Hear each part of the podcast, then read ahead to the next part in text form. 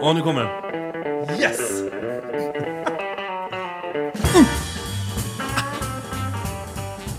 Ja, till tonerna av Kid Ramos med de stora överarmarna, mina damer och herrar. Välkomna till Bluespodden med mig, Tommy Big Team Moberg och... Fredrik Skankerfred Karlsson. Absolut, vi har superproducent med oss, Jocke Blomgren, som försöker febrilt få rattarna att fungera. Men framför allt, hörni, det här är ju eh, vårt andra avsnitt i vår intervjuserie. Där vi har med ingen mindre än gitarrlegenden Borlängesonen. Här är han, Claes Claes Yngström. Oh, yeah. Väldigt trevligt. Trevligt att vara här. Oh, Ja, men- thank you, thank you, thank you, thank you. Ljudeffekt och grejer. Ja, exakt. Det är så jag jobbar. Tack ska ni ha. Tack ska ni ha. Eh, Tack ska ni Trivs du än så länge i min lilla skrubb? Åh, jag trivs så bra. Jag trivdes så fort jag gick in här.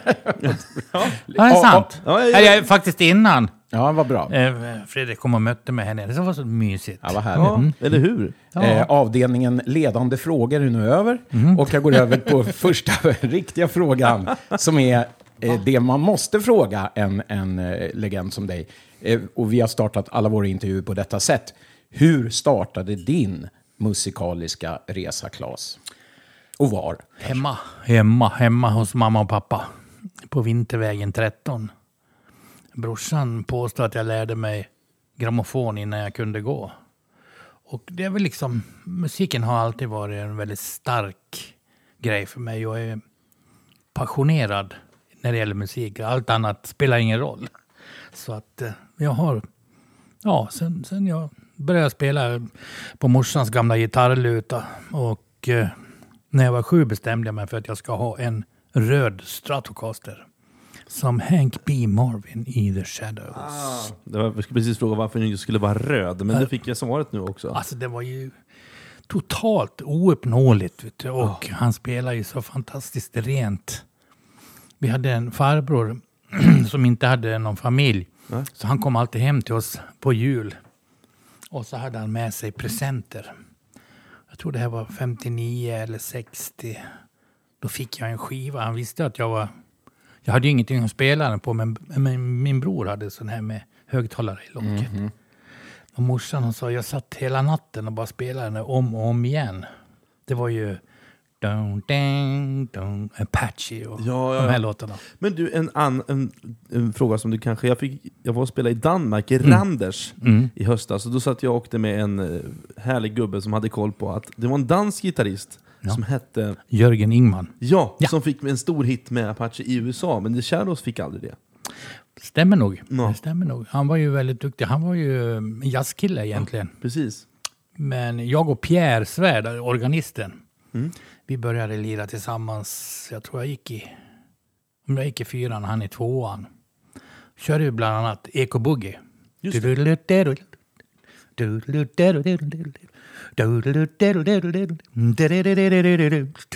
var ju en jävla bra låt Men att köra. flink för att vara, gå i fyran då av dig och göra det du sjöng precis. Ja, Pierre, han, han var ju...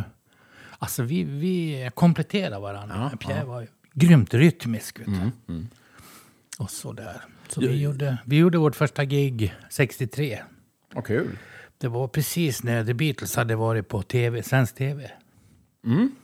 Och efteråt så stod vi liksom på Förstebron. Min, s- min stora syster hade hjälpt oss att köra prylar i sin lilla Austin. Vi hade inte så mycket. Vi hade varsin radioapparat som vi köpte på Emmaus. De kostade tre kronor. Och jag hade byggt en gitarr i slöjden då. nu fick slöjden och eh, Pierre han körde på morsans gitarrluta med en, eh, en mick som jag hade fixat. Så stod vi där på, på bron vet du, och tittade på en stjärnklar himmel i början av december. Och Pierre han tittade på mig. Så sa han, du Claes, de sa att vi var bättre än The Beatles. och, då, och då såg vi liksom hur framtiden bara... Ah, den låg liksom där för oss. Men jag har... Ah! Ja, det var Jag, fantastiskt. du, jag fick höra att till och med tjejerna jagade er efter den där eh, skole, efter den där skole... Du sa det i ro, Rockpodden, att du blev jagad av tjejerna. Stämmer det, eller är det, är det, är det fabricerat? Kan man säga så? Nej, det är, det är men framförallt var det ju våran sångare. Vi hade en riktigt good looking guy. Ja, ja, ja. Som hade, han hade lånat min morsas någon sån här liten pälsjacka. Och han var den enda som fick ha Beatles-frisyr för sina föräldrar. Och Beatles-frisyr, var, då kan man man i luggen. Ja, just det. Och så hade man lite över öronen. Jag fick inte ha sånt. Nej, Mods-frisyr också kallad va? Ja, men det var innan modsen. Innan Mods? Det här var liksom... Ja, jag vet inte. Det var ju precis 63, vet du. Och Janne, han var, alltså, han var ju good looking guy. Men jag och Pierre, vi sjöng allt. Ja, ja. Men eh, vi fick ju jag allihop naturligtvis. Men det var, det var nog han Ja, ute efter. Men det, Ja. jag tänkte på just, för jag vet att du kollade att den här Beatles, och det har, att Beatles var med på tv i Sverige Mm. påverkade ju många musiker i din ålder. Mm. Men jag tänkte, hur, har det, hur påverkade det dig? Ja, Kan, om du kan komma ihåg, för det, du ändå nä- nämner ändå det, så det känns ändå återkommande att det var... Jo, man tyckte väl att Twist and Shout, det var ju lite häftigt. Det var ju rock. Jag gillar ju rock. Jag gillar när det var så pff, pang. Alltså ingen sån här liksom fjäsmusik. Utan det skulle vara lite rock'n'roll alltså. Det gillar man ju. Jag förstår. Det var det du gick igång på helt. Jajamän. Ja. Sen har man ju fått höra Isley Brothers version senare. Och då tycker jag ju fan, den är ju lite bättre. Ja. De har ju snott rätt mycket. Ja, ja. Vi har ju snott rätt mycket från, eh, eh, från andra håll allihop. ja Absolut. Så är det ju. Men, det- men eh, Beatles, fan, de var ju, var ju grymma. Vilket band! Men det här är liksom skol mellanstadiebandet. Vad händer sen då? Är det liksom sk- högstadie, gymnasie? Ja, men sen, upp, sen kom ju Stones eh, som, som var mina stora favoriter. Min kusin kunde alla Stones-låtar. Och vi körde ju från första plattan. Vet du, och eh, då läste jag vem som har skrivit låtarna. Och det var ju sådana som Jimmy Reed. Och, Ja, och då upptäckte man den grejen. Och eh, tog inte lång tid. Jag tror att det var... De hade deras andra singel, tror jag det var. Jag hade ganska bra koll. Eh, Den hette I wanna be your man. Och den var skriven av Lennon McCartney. Mm. Men den var rockig. Och Brian Jones spelade ett slide-solo. Just det. Och det var ju... Vad fan är det här? Morsan sa Stäng av det där oljudet! Tänkte jag. Yes, det här är jag. här är- Morsan, det här är jag. Det är min musik.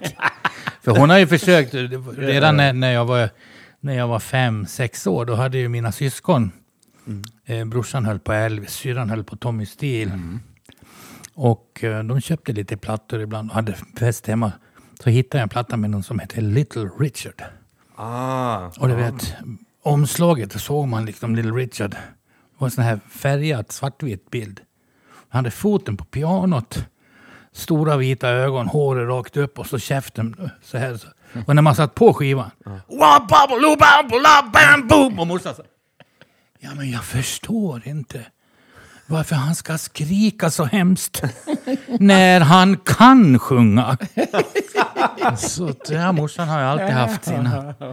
Men det var väl det första riktigt så här starka Little Richard. Jag förstår. Men var, var, det, var det en kamp om skivspelaren då hemma? Nej, alltså jag, jag snikade mig alltid med. Vet. Ja, det var så. Nej, jag fick ju kanske gå och lägga mig med syrran. Hon ville ju ha mig som danskavaljer. Vet. Hon körde med sin uh, skumgummi under kjol och sin här frilla. Brorsan han satt på sig sin skinnjacka med koppartransmärke och gick ut. Vet du. Ja, vi ses. Tjena, ses. Du vet. Och då kunde man gå in och kolla Elvis. Ja, ja, såklart. Shit, men det känns, då har du vuxit upp i ett musikaliskt hem då? Även om inte alla spelar kanske. Men Ja, alltså jag och morsan var väl de som hade fått någon sorts musikalisk gåva. Brorsan, han älskar ju musik också, men han, eh, ja, det var mest för att impa på brudar. Han tog fram gitarren och spelade fel ackord till House of the Rising Sun och jag bunkade i väggen. Fan, du spelar fel! Du. Det spelar inte honom någon roll. Första bandet sen som, som liksom gör sig något namn och, och åker ut och spelar, vilket är det? Ja, det, första som vi, vi åkte till Falun med, det kallar vi för Sparkling Snuffs. Wow. Mhm. Och vi, fick, vi blev... Eh, eh, Dalademokraten vägrade ta in oss för för att det betydde någonting som inte var bra. Vi hade ju ingen aning. Det var väl bara någon som hade hittat på det där. Jag hoppade på. Det var två, ett tvillingpar. Eh, de bodde på Gylletäppan. Det var ganska långt hemifrån mig. Så jag fick ju cykla ner dit. Och så hade vi en sångare som också lirade lite orgel och spelade på eh, Unga Örnars, tror jag det var, danser där. Och då gick det till så att man hade gigget. Det var två band som hade gigget. Och sen fick publiken rösta vilket band som skulle få spela nästa vecka. Man kunde få två veckor i rad. Och då fick publiken gå över till den ena sidan. Alltså, sådär. Så vi körde rätt många gånger. Vi hade ju... Ja, Lars, han sjöng jävligt bra. Våran sångare, det var mer soul då. Han gillar ju Otis Redding och Jimmy Smith och sånt där. Och jag var ju helt inne på Hendrix naturligtvis. Han är ju väldigt soulig, Hendrix. Alltså, när man Ja. lyssnar på hans Oh, fan. jättesoul, med att han har sett det i en ny kontext alltså. Ja, absolut. så att ja, han gjorde ju... Så det, det måste ju ändå passat bra, om du inte trycker i fussboxen då såklart. För då kanske det var... Ja, ja, men alltså det var ju, alla tjejer sprang ju ut eh, när vi körde Hendrix. men jag har ju, ja, ja, det är klart man gillar tjejer. Alltså, det var ju väldigt bra, speciellt när man upptäckte mellanölets eh, Fördelar. ja, fördelar. Att man liksom kunde liksom haka på på ett annat sätt. men, men, eh, men vi hade ju våran sångare som var väldigt bra. Så med ballader. If you need me, med talade partier och sådär. va. Så det är klart, det var ju han som var den åtråvärde. Ja, ja. Men, men du vet, vi hade jävligt kul alltså. Och vi hade gigs. Vi var, ju- vi var ju kanske ja, mellan 14 och 16 då. ja, just det. Och eh, vi hade chaufför, det var en raggare. Som eh, alltid skulle ha en back mellanöl mellan benen när han körde oss. Och han hade de fantastiska, mest fantastiska bilar. Han hade bland annat en, en Chevy Apache, den här gamla. Shit. Som, det var ju liksom drömmen för alla band. Va? Det hade man ju sett. Man skulle ha en, en sån här Apache och sen så ett spångasläp. Vi hade ju inget släp, men hans kompisar åkte med så de tog med. Ja, han tog med grejerna i... Ja, jag hade ju en Vox då, AC30. Bra. Kompisarna fick ju moppar, så jag fick aldrig någon moppe. Jag ville inte ha någon moppe. Jag fick låna 1800 av farsan i åttan och köpte den här AC30. Fick jag betala tillbaks. Och vad är, är, har vi röd Fenderstrata redan här då, eller? Alltså jag hade ju... Jag byggde ju en gitarr. Och sen, eh, vad fasiken, nej. Jag... eh, jag eh, så småningom så, så bytte jag in en förstärkare som jag hade köpt. Jag hade en AC30 men jag hade en... en ja, jag, jag dealade på något sätt så jag hade en Mustang. Köpte en ny Mustang, den kostade 1300 och den var ju bättre avpassad för mina korta fingrar. Jag var ju, inte, jag var ju ganska sen i målbrottet så jag var ganska kort och hade inte så stora fingrar men jag, jag ville ju lira. Absolut. Och ungefär i den perioden så lärde jag känna Uffe Åhman. Och som, eh, som eh, ja, han, jag lärde känna honom genom mina tjejkompisar som tyckte jag var en stilig karl. Ja, ja. Många hade hånglat med honom och sådär. Jag gick ju ner och kollade på honom. Han var jävligt bra. Han hade ju varit proffs i Stockholm. Och det var ju, du vet, proffs i Stockholm. Stort. Det måste vara... Men hur gammal var, var snackar vi? 16-17 här? Han var 14. Ja. Så då gick jag hem och knackade på hans dörr. För han bodde hos sin syster. Han hade liksom dragit hans band, eh, Members Blues Band. De hade fått jobb för Klubb 33 och det tyckte han var så öknett. Han ville inte vara med om det. Utan han ville lira musik på riktigt. Så han sket i det. Flyttade hem, började på Domnarvets järnverk. Vad som helst, men ingen prostitution. Och så att jag gick hem och knackade på dörren. Och så kom han och öppnade och frågade om han ville vara med i mitt band. ja. Och han tittade på mig och sa, mm, mm, lite sådär. Men han släppte in mig där. Och jag visste ju inte om hur bra han var. Men eh, han fick göra lite audition. Syrran hade ett piano. Och jag blev lite impad för han körde en boogie-woogie. Basade med vänsterhanden och så lirade melodi och ackord med högern. Bra. Sen så tog han fram ett munspel och körde blues. Munspel. Han, kunde ju, han kunde ju lira alltså. Både munspel och piano. Ja. Kan du gitarr? Ja, han tog fram gitarr. Körde Bené mig till sjön och lite sådär. Okej. Så att, eh, då började vi spela. Och det är ju liksom ett samarbete som har fortfarande existerar. Det är det. ja, visst. Han är ju med på den här plattan ju. Ja, han är ju med på den Som vi ska här. prata om senare sen. Ja, vi är som, man kan säga att vi är bröder. Ja. Och träff... eh, om jag eh, har läst mig till rätt här nu då. 78 drar du igång eh, Sky High. Ja, och det var ju en sorts flashback. För att jag hade ju... Jag lämnade rockmusiken. Jag, fick, eh, jag köpte den sista rockplattan jag köpte var en platta med Deep Purple som heter In Rock. Och så kom jag hem och lyssnade på det. Nej, nu går allting i repris. Det var ju liksom som Stonefree fast sämre. Och Ja. Jag fick liksom ingen, jag fick ingen, eh, Feeling. fick ingen stånd alltså.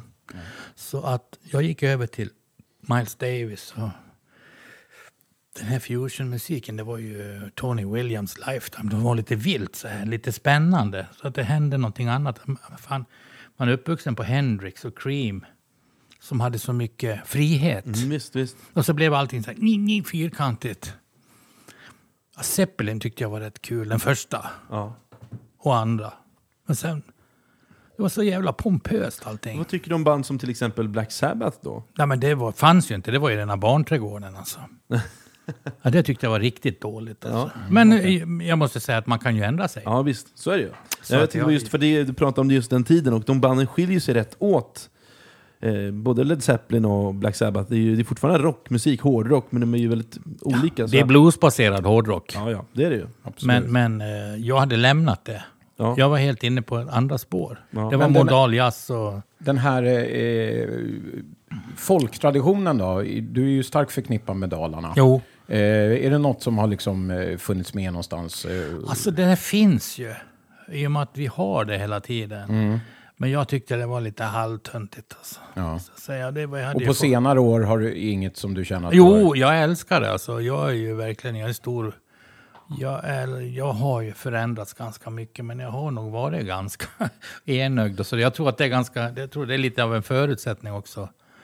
Eh, I alla fall för en sån eh, mellanbegåvad person som mig. Jag måste liksom, jag måste dyka in i någonting. Jag är sån liksom. Och eh, Men på, men på vilket sätt tyckte du att Dala-musik var töntigt? Var det för att du var uppväxt med det och att det var liksom en kultur som kom med dina föräldrar? Ja, precis. revolution? Det var morsan, du vet, vi har, jag har ju släkt, jag har det i släkten. Och Min, min mammas morbror kallas för Göken, han sparar på lergökar. Han var en frän typ och han, han åkte runt och sålde mm, kassa tvättmaskiner runt om i Dalarna. Och så hade han alltid med sin, sin eh, gitarrluta och, och så en pava sprit och så gick de in och man beseglade liksom ett köp med, tog sig en jäkel och så spelade. Och, och eh, hans, de låtarna som han samlade på sig under sina kanske 10-15 år där, de lever eh, i våran familj. Så så fort, och även morsan hade ju en hel del, min mormor spelar ju stumfilmspiano i Falun.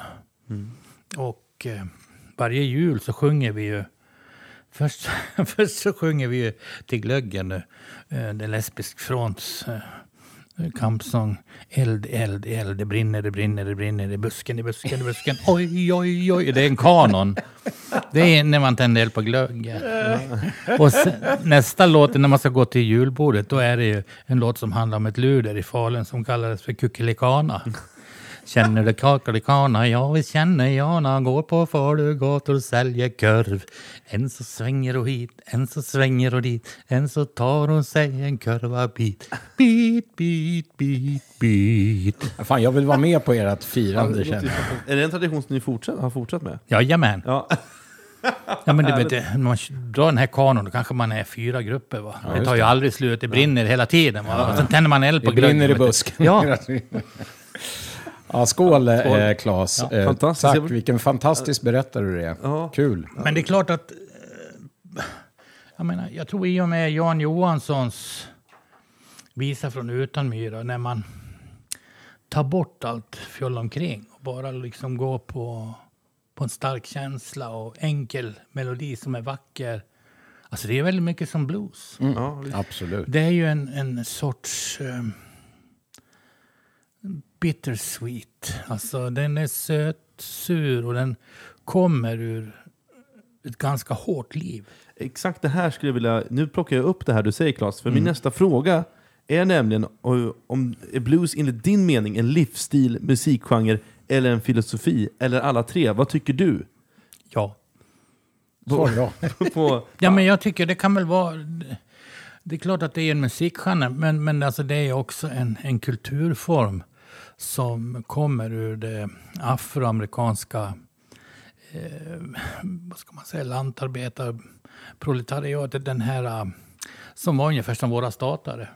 Som eh, ofta blev skyldiga pengar istället för att få. De skulle ju få en slant. Va? Men det blev ju aldrig någonting för de handlade ju upp allting på The Company Store som ägdes av plantageägaren.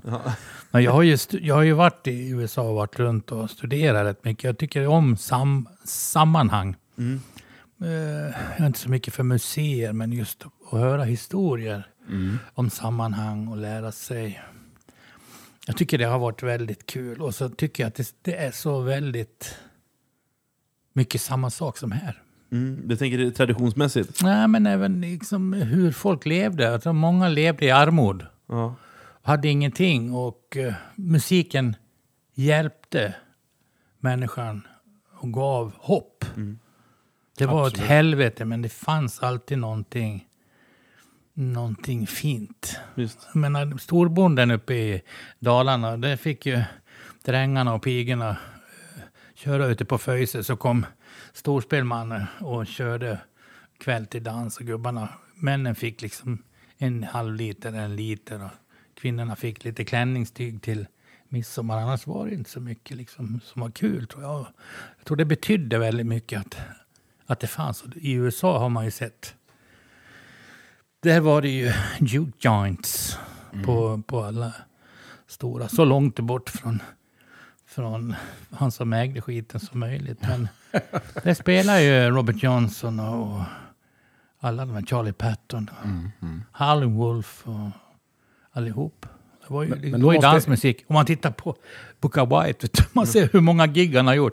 Han ser ut som en död fisk på ögonen, så spelar han som en idiot på gitarren. Så det är så jävla bra. Men ögonen är liksom bara helt... Det är bara stoneface. Ja, men han är helt död alltså. Men eh, det här måste jag ju fråga om då, för att eh, när man lyssnar på eh, Sky High, som är min, min första liksom, bild av Claes Yngström, då tänker jag Sky, Sky High, jag tänker blues, rock, boogie, hög volym, mod, modernt ska jag inte säga, men du fattar vad jag menar. Eh, och sen även Hendrix förstås, är min bild av dig. Men sen, nu den här plattan som du har gett ut, och även det du pratar om nu, är ju något helt annat så att säga. Det är, det är mera... Ja, men det sitter ju ihop. Ja, men är, har du något så att, ja, men du, om du får välja, det behöver man inte göra i och för sig, Mm. men om det, liksom, vad, vad är din grej? Är det liksom den, den gamla 50s, eh, säg Chicago Blues eller ännu äldre som du beskriver här? Ja. Eller den här mera boogie, gitarren på högsta distpedalen, nu kör vi. Liksom. Nej, nej, det är inte så kul tycker jag. Jag tyckte... Alltså jag har ju två, eh, två sådana inspirationskällor kan man säga. Om vi, om vi börjar med Sky High. Eh, I början så var det ju bara Hendrix. Ja. Och Hendrix var ju ett unikum. Alltså han var ju någonting som inte har funnits vare sig förr eller efter. Han var ju en person som var modig och som gjorde sin grej och som var otroligt musikaliskt eh, begåvad helt enkelt. Det är ju underbart att höra. Sen var det ju synd att han torskade så, så hemskt och att folk utnyttjar honom till den milda grad. Och fortfarande så är det ju liksom, jag vet inte, han gjorde tre studioplattor och en live-LP. Jag tror det finns 600 titlar med Hendrix. Alltså, det säger ju en del. Jag menar, om han... Han själv hade kanske bråk... Han, han hade ju kanske gjort ett par plattor, men han skulle ju gråta och, när man hör alla taskiga utgivningar. Visst. Men det är klart, om man är en Hendrix-diggare så hittar man ju guldkorn lite här och. Men jag tycker det är synd. Det finns ju liksom... Det finns ju tre plattor. Tre studioplattor och en Ja. liveplatta. That's it. Jag hakar, jag hakar på där, för det blir en fiken du som har ändå... Jag menar, man skulle, du skulle kunna skriva en D-uppsats, alltså en master på Hendrix. Absolut. Tänker Hendrix musiken, du skulle kunna beskriva den i liksom i hertznivå nästan. Så, upp, så tänker jag hur mycket du har spelat det och lyssnat på det. Men idag, om du skulle åka hem till Dalarna och så bara, ikväll sätter jag på Are You Experienced, den första skivan. Vad, hur lyssnar du med samma, och blir du 14 igen? Eller hur lyssnar du idag på Hendrix? Lyssnar du på Hendrix? Eller Nej. vad händer i kroppen när du lyssnar? Nej, men jag lyssnar. Jag behöver inte. Jag lyssnar. Jag var ju liksom... Jag hade ju det liksom jämt när jag var ung. när jag var tonåring. Ja. Jag har allting på hårddisken. Den är, det finns där. Ja. Sen är det klart, ibland så hör man ju honom ute på radio, på sportevenemang lite här och där. Kommer All along the Watchtower eller The Wind Cries Mary. Och det. Jag minns ju första gången jag hörde de här låtarna, precis hur det såg ut. Där jag var då. Det är ganska det är starkt. Ja, då är det starkt. För mig var ju, var ju Hendrix eh, som att öppna en, en dörr till en annan värld, helt Ja. enkelt. Ja, Men alltså, det finns ju många. Jag tyckte ju även eh, The Who var ju kanske mina första såna här riktigt stora omvälvande grejer med, med Townsend mm, och hans feedback och det här, eh, det här jävligt tuffa alltså. Det var ju grymt. Jag såg ju dem när jag, jag, jag hade en, min pappa var, hade en kusin som var gift med en headmaster. Mr Freeband Smith. Sån där som man får ha en handduk med när man ska prata med. Det bara, spottar bara. Vad hagla. Men i alla fall så lyckas jag dupera min far. Jag hade liksom femma i engelska, musik och teckning. Det var, resten sket jag ju liksom. Ja. I femman. Så jag sa till farsan, du vet, jag kommer ju säkert att bli professor i engelska. Jag var, jag var ju grym på engelska, tack vare mitt musikintresse.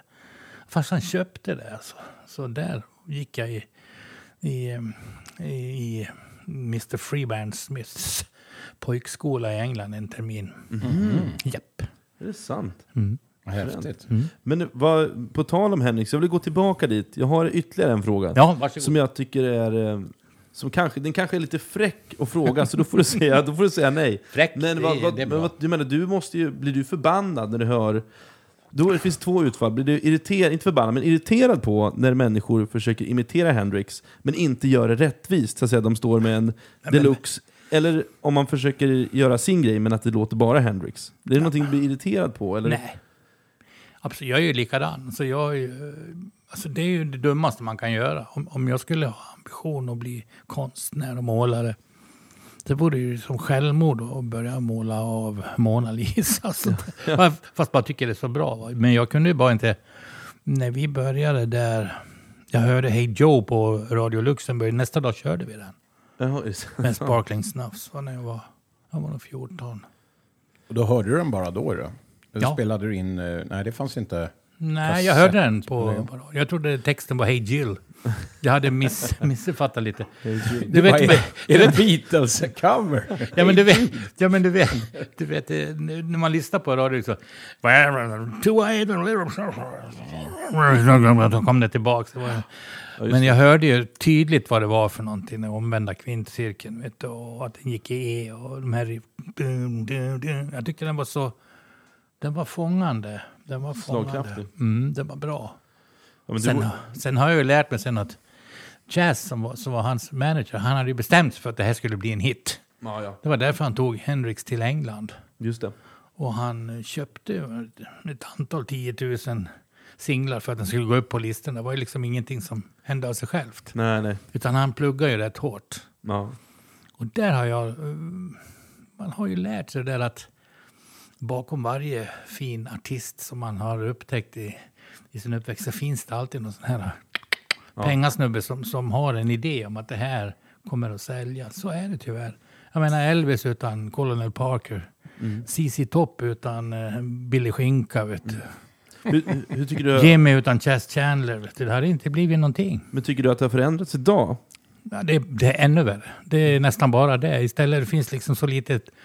Nu ska jag inte svära i kyrkan, men det känns det. som att det finns mindre talang och mer eh, businessutveckling. Alltså det är mer handelsgymnasium än, eh, än eh, som jag hoppade av skolan och satt i elevrummet och rökte på och lyssnade på Pharoah Sanders. Alltså, jag tror det skulle behövas lite mer sånt, lite fritt Ja. tänkande. Ja, visst. Ja, men- skål för det. Ja, Skål för fritt tänkande. Ja. Och Nej, men jag- röka på i rökrummet på skolan. Ja, Jag som dricker Eh, kaffe ja, du dricker kaffe. Ja, ja, men jag, jag, Men var sur då. Ja. Nej, men jag, kan, jag kan nästan hålla med. Vi hade, att man har tappat kärnan lite grann och det är kanske därför med vår genre som vi håller på med, med rock och blues, den som är lite underground så att säga. Det finns ju de här free spirit-karaktärerna kvar, men, eh, men om man går upp en nivå. Men för Hendrix var ju popmusik på 60-talet.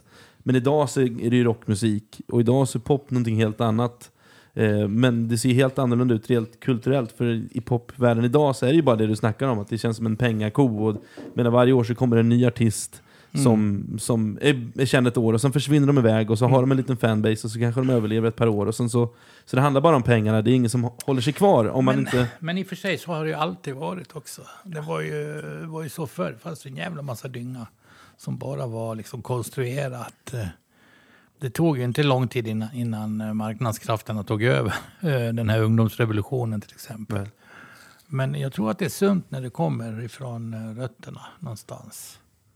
Ja, det är svårt att säga. Jag är, jag är ingen politiker eller ens. Jag vill bara spela musik. Du är musikfilosof. Jajamän. Men då, då vill jag... Jag lyssnade på... In, Rockpodden var ju du med i med Mm. Henk... Vad heter han? Henrik... Ja, jag kommer, ihåg det, kommer på det sen. Ja. Men då sa du, jag ska citera nu. Ja.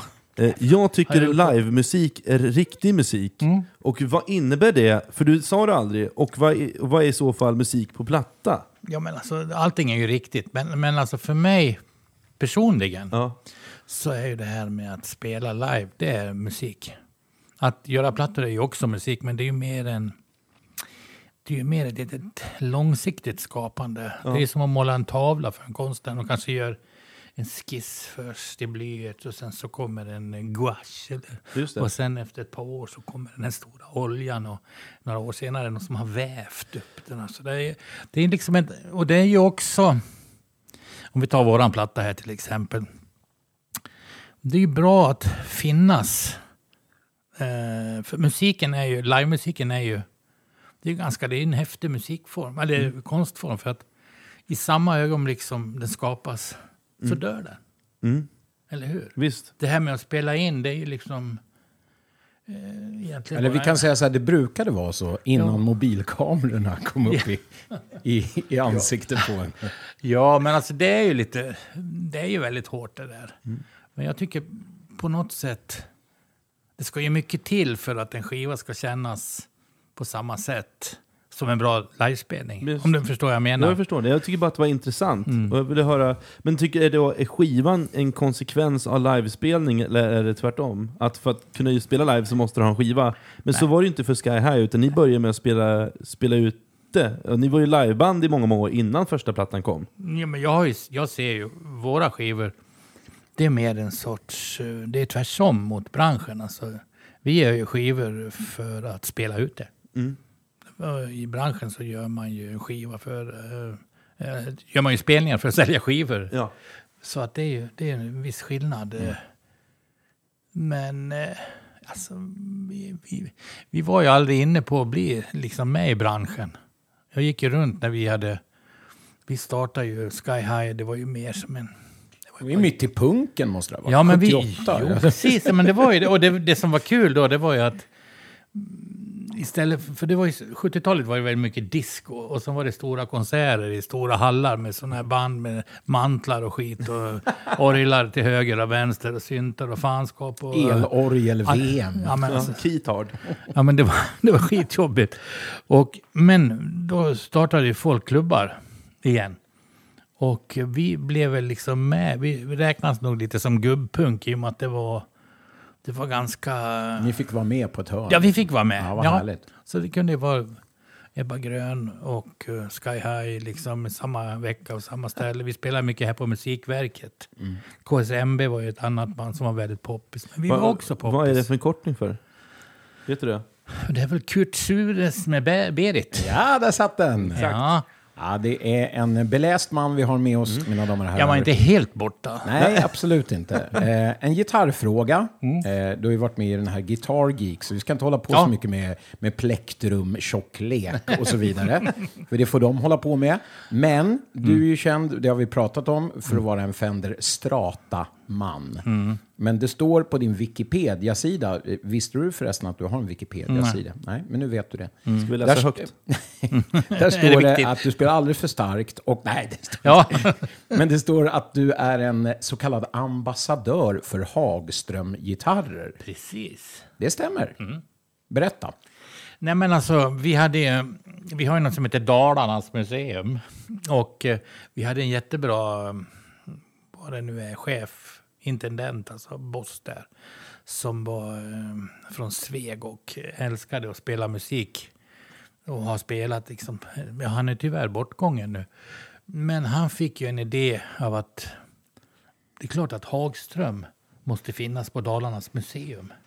Ja. Det är ju en fantastisk historia hur, hur en liten jävla skithåla kan få eh, bygga ett, ett varumärke som är så, ett av de starkaste vi har i Sverige. Mm. Alltså det är ihop med SKF och Volvo, Hagström, alltså inte långt efter. ASEA och sådär. Så jag tycker det och jag tyckte, jag hängde ju på naturligtvis. Och eh, jag blev då eh, utnämnd till ambassadör tillsammans med Kalle. Mm. Vad gör man som ambassadör för Hagström Gitarr? Alltså vi, vi drog in stålar. Mm. Eh, jag tror att vi, vi köpte en, en gigantisk samling av en kille uppifrån Östersund. Jag tror det var typ uppåt hundra olika objekt eh, för ett par miljoner. Och eh, då gjorde vi eh, några stycken gigs när vi ställde upp ambassadörerna. Det var ju Peter Karlsson, Kalle Moreus, eh, eh, Björn Skifs och så vidare. Jag tror Schaffer var med. Jag tror Schaffer också var Ja. Men vi gjorde i alla fall några sådana gig och drog in en skaplig mängd. Och då så fick vi en jättefin Hagström Viking. Tillverkad eh, i Asien, alltså, men, men väldigt bra. Jag var ju personlig vän med Karl-Erik Hagström. Han som introducerade elgitarrerna. Han var ute för att sälja dragspel i USA i, slutet på 50-talet. Och han telexade hem och sa du, glöm det där med dragspel. Det är elgitarr som gäller. Jag kommer hem nu. Tog han med sig en Les Paul. Så här ska det se ut grabbar. Så gjorde de den här första standardmodellen. Men då hade man ju ganska mycket material över från dragspelstillverkningen. Just det. I sån här mother of toilet seat plast. man kunde pärla mot plast. utav. Därför de är så jävla snygga. Och eh, sen hade man egna idéer. Karl-Erik var väldigt finur, en finurlig man. Han var något väldigt extra. Man införde något som heter H-skenan i halsen. Och det innebär att i, i de amerikanska förlagarna så var det ju ofta en, ett stål då som, som var lite böjt som skulle motverka strängarnas dragning på halsen så att det kunde man dra åt den så att det inte blev krokig och svårspelad. Va? Men det här gick man ett steg till så att halsen inte kunde vrida sig I i sidled. horisontellt läge heller. Va? Och den knackar man in. Och det gjorde att man kunde använda väldigt lite trä till halsar. Man kunde göra väldigt smala halsar. Som gjorde gitarrerna väldigt lättspelade. Och eh, ja, man hade också ett, ett väldigt, en bra känsla för hur man lackar. De hade ju en kille som, som eh, jag tror det var Fender som ville, de bjöd hur mycket pengar som helst för att han skulle komma över till, till Hollywood eller till eh, Santa Ana och jobba. Men han var ju, han ville inte sticka från Älvdalen. Turligtvis inte. Och du nej, är man från Älvdalen så är man, vet du, och det, det är ganska häftigt. Ja, visst. Och eh, när jag lärde känna Karl-Erik och när vi var uppe i Älvdalen så... Ja, jag träffade honom, jag tror det var 64, då var han nere. Då hade jag, satt jag med min lilla bandspelare och skulle spela in Sveriges Radios pop och twistbandstävling, tror jag det hette. I en aula. Och Björn Skifs var med och då kom Karl-Erik ner med ett par nya modeller. Skitfräna. Impala, tror jag de hette. Och de var liksom state of the art. I De hette som bilarna liksom. Ja, men det var i mahognyplankor med, med setneck och eh, skjutreglage. Så det är jävligt eh, fräna grejer. Så att han var, ja, han var väldigt, det var en, eh, en man med blicken riktad framåt. Men, Innovatör. Ja, verkligen. härligt. verkligen. Men spelar du själv någonting på en Hagström? Eh, ja, alltså jag har ju en, en gammal eh, från första året. Mm. Om det är 58, jag tror det är liksom allra första året. Eh, och den, den har ju mest legat i ett fodral och sådär. Men eh, när, vi hade en konsert eh, på Dalarnas museum för att besegla själva kickoffen för Ja, den här det. insamlingen. Då drog Då jag ju fram den och Ja, så kopplade jag in den. Inga volymputtar sånt funkade. Det gick bara på fullt så jag körde så fan. Det, den lät bra alltså. Okej. Och det är ju så med både eh, pärlemor och plast på greppbrädan och på baksidan och på framsidan och bakstycken. Den är ju frän. Vet du. Ja, ja. Visst. Men man kan ju, jag kallar det för en så kallad videogitarr. Och ett tag som de var väldigt poppis i olika videos. Om man var i Hollywood så kunde man gå på Guitar Center där på en trappa upp så hade de liksom en hel avdelning med sådana här flakade Hagström och sånt där. Men är de, är de gamla eller de nytillverkade? För de har börjat tillverka dem i Kina igen. Nej, men alltså det är en annan grej. Vet du. De nya är Ja, ju... Eh, är inte- de är bra. Den här som jag fick nu, va, det var ju en... Det hade de gjort 58 extra. Jag tror de började 58. Och alla ambassadörer fick en varsin sån. Mm. Och det var också eh, sponsgrejen nummer ett. Det kostade 100 000 i ett fint genomskinligt plastcase. Så skulle man eh, köpa den till sin firma och, och ha den på väggen som bevis för att man hade varit med och stöttat.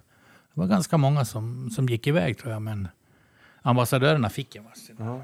Och jag, jag använder ju den mm, ganska ofta faktiskt. Den är riktigt bra gitarr. Ja.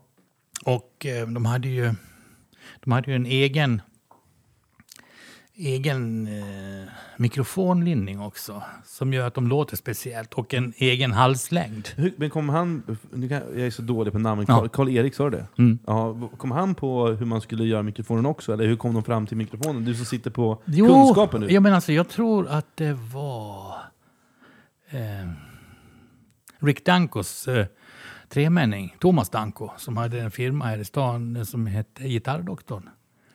Jag tror det var Thomas som, som eh, gjorde den där micken någon gång när han kom hit på 60-talet. Fan, här slår vi Guitar Geeks podcast på fingrarna känner jag. Ja, det är Den här, nördigt. den här infon kom inte fram. Eller har du, Nej. har du varit med där ens? Ja, det har du varit med. Ja, ja, det har jag varit. Ja, ja. Men, vet, Nej, men det, här, det här fick inte någon veta. Nej. Det känner jag på rak arm. men att Rick Danko hade en kusin i Sverige, nej men de hade samma... Ja, du ser. Mm. Ja, det här är... Ja, Nej men alltså, och de låter väldigt bra. Ja. Men, men alltså, jag ska bara berätta slutet på det här. Ja, då, då blev jag uppkallad till eh, Älvdalen. Ja. Karl-Erik ringde och sa ja. Och eh, nu ska vi eh, hyra ut vårt namn till den kollegan som, hade, som han hade jobbat med i Nordamerika. De hade gjort konkurs då någon gång på 80-talet, Hagström. Det, det gick inte bara. Nej. De försökte liksom på alla sätt. De gjorde ju jävligt fina gitarrer. Framförallt på slutet. Och PA'n gjorde de väldigt fina också. Jo, de var ju pionjärer på stora visst. pian. Men i alla fall gitarrerna.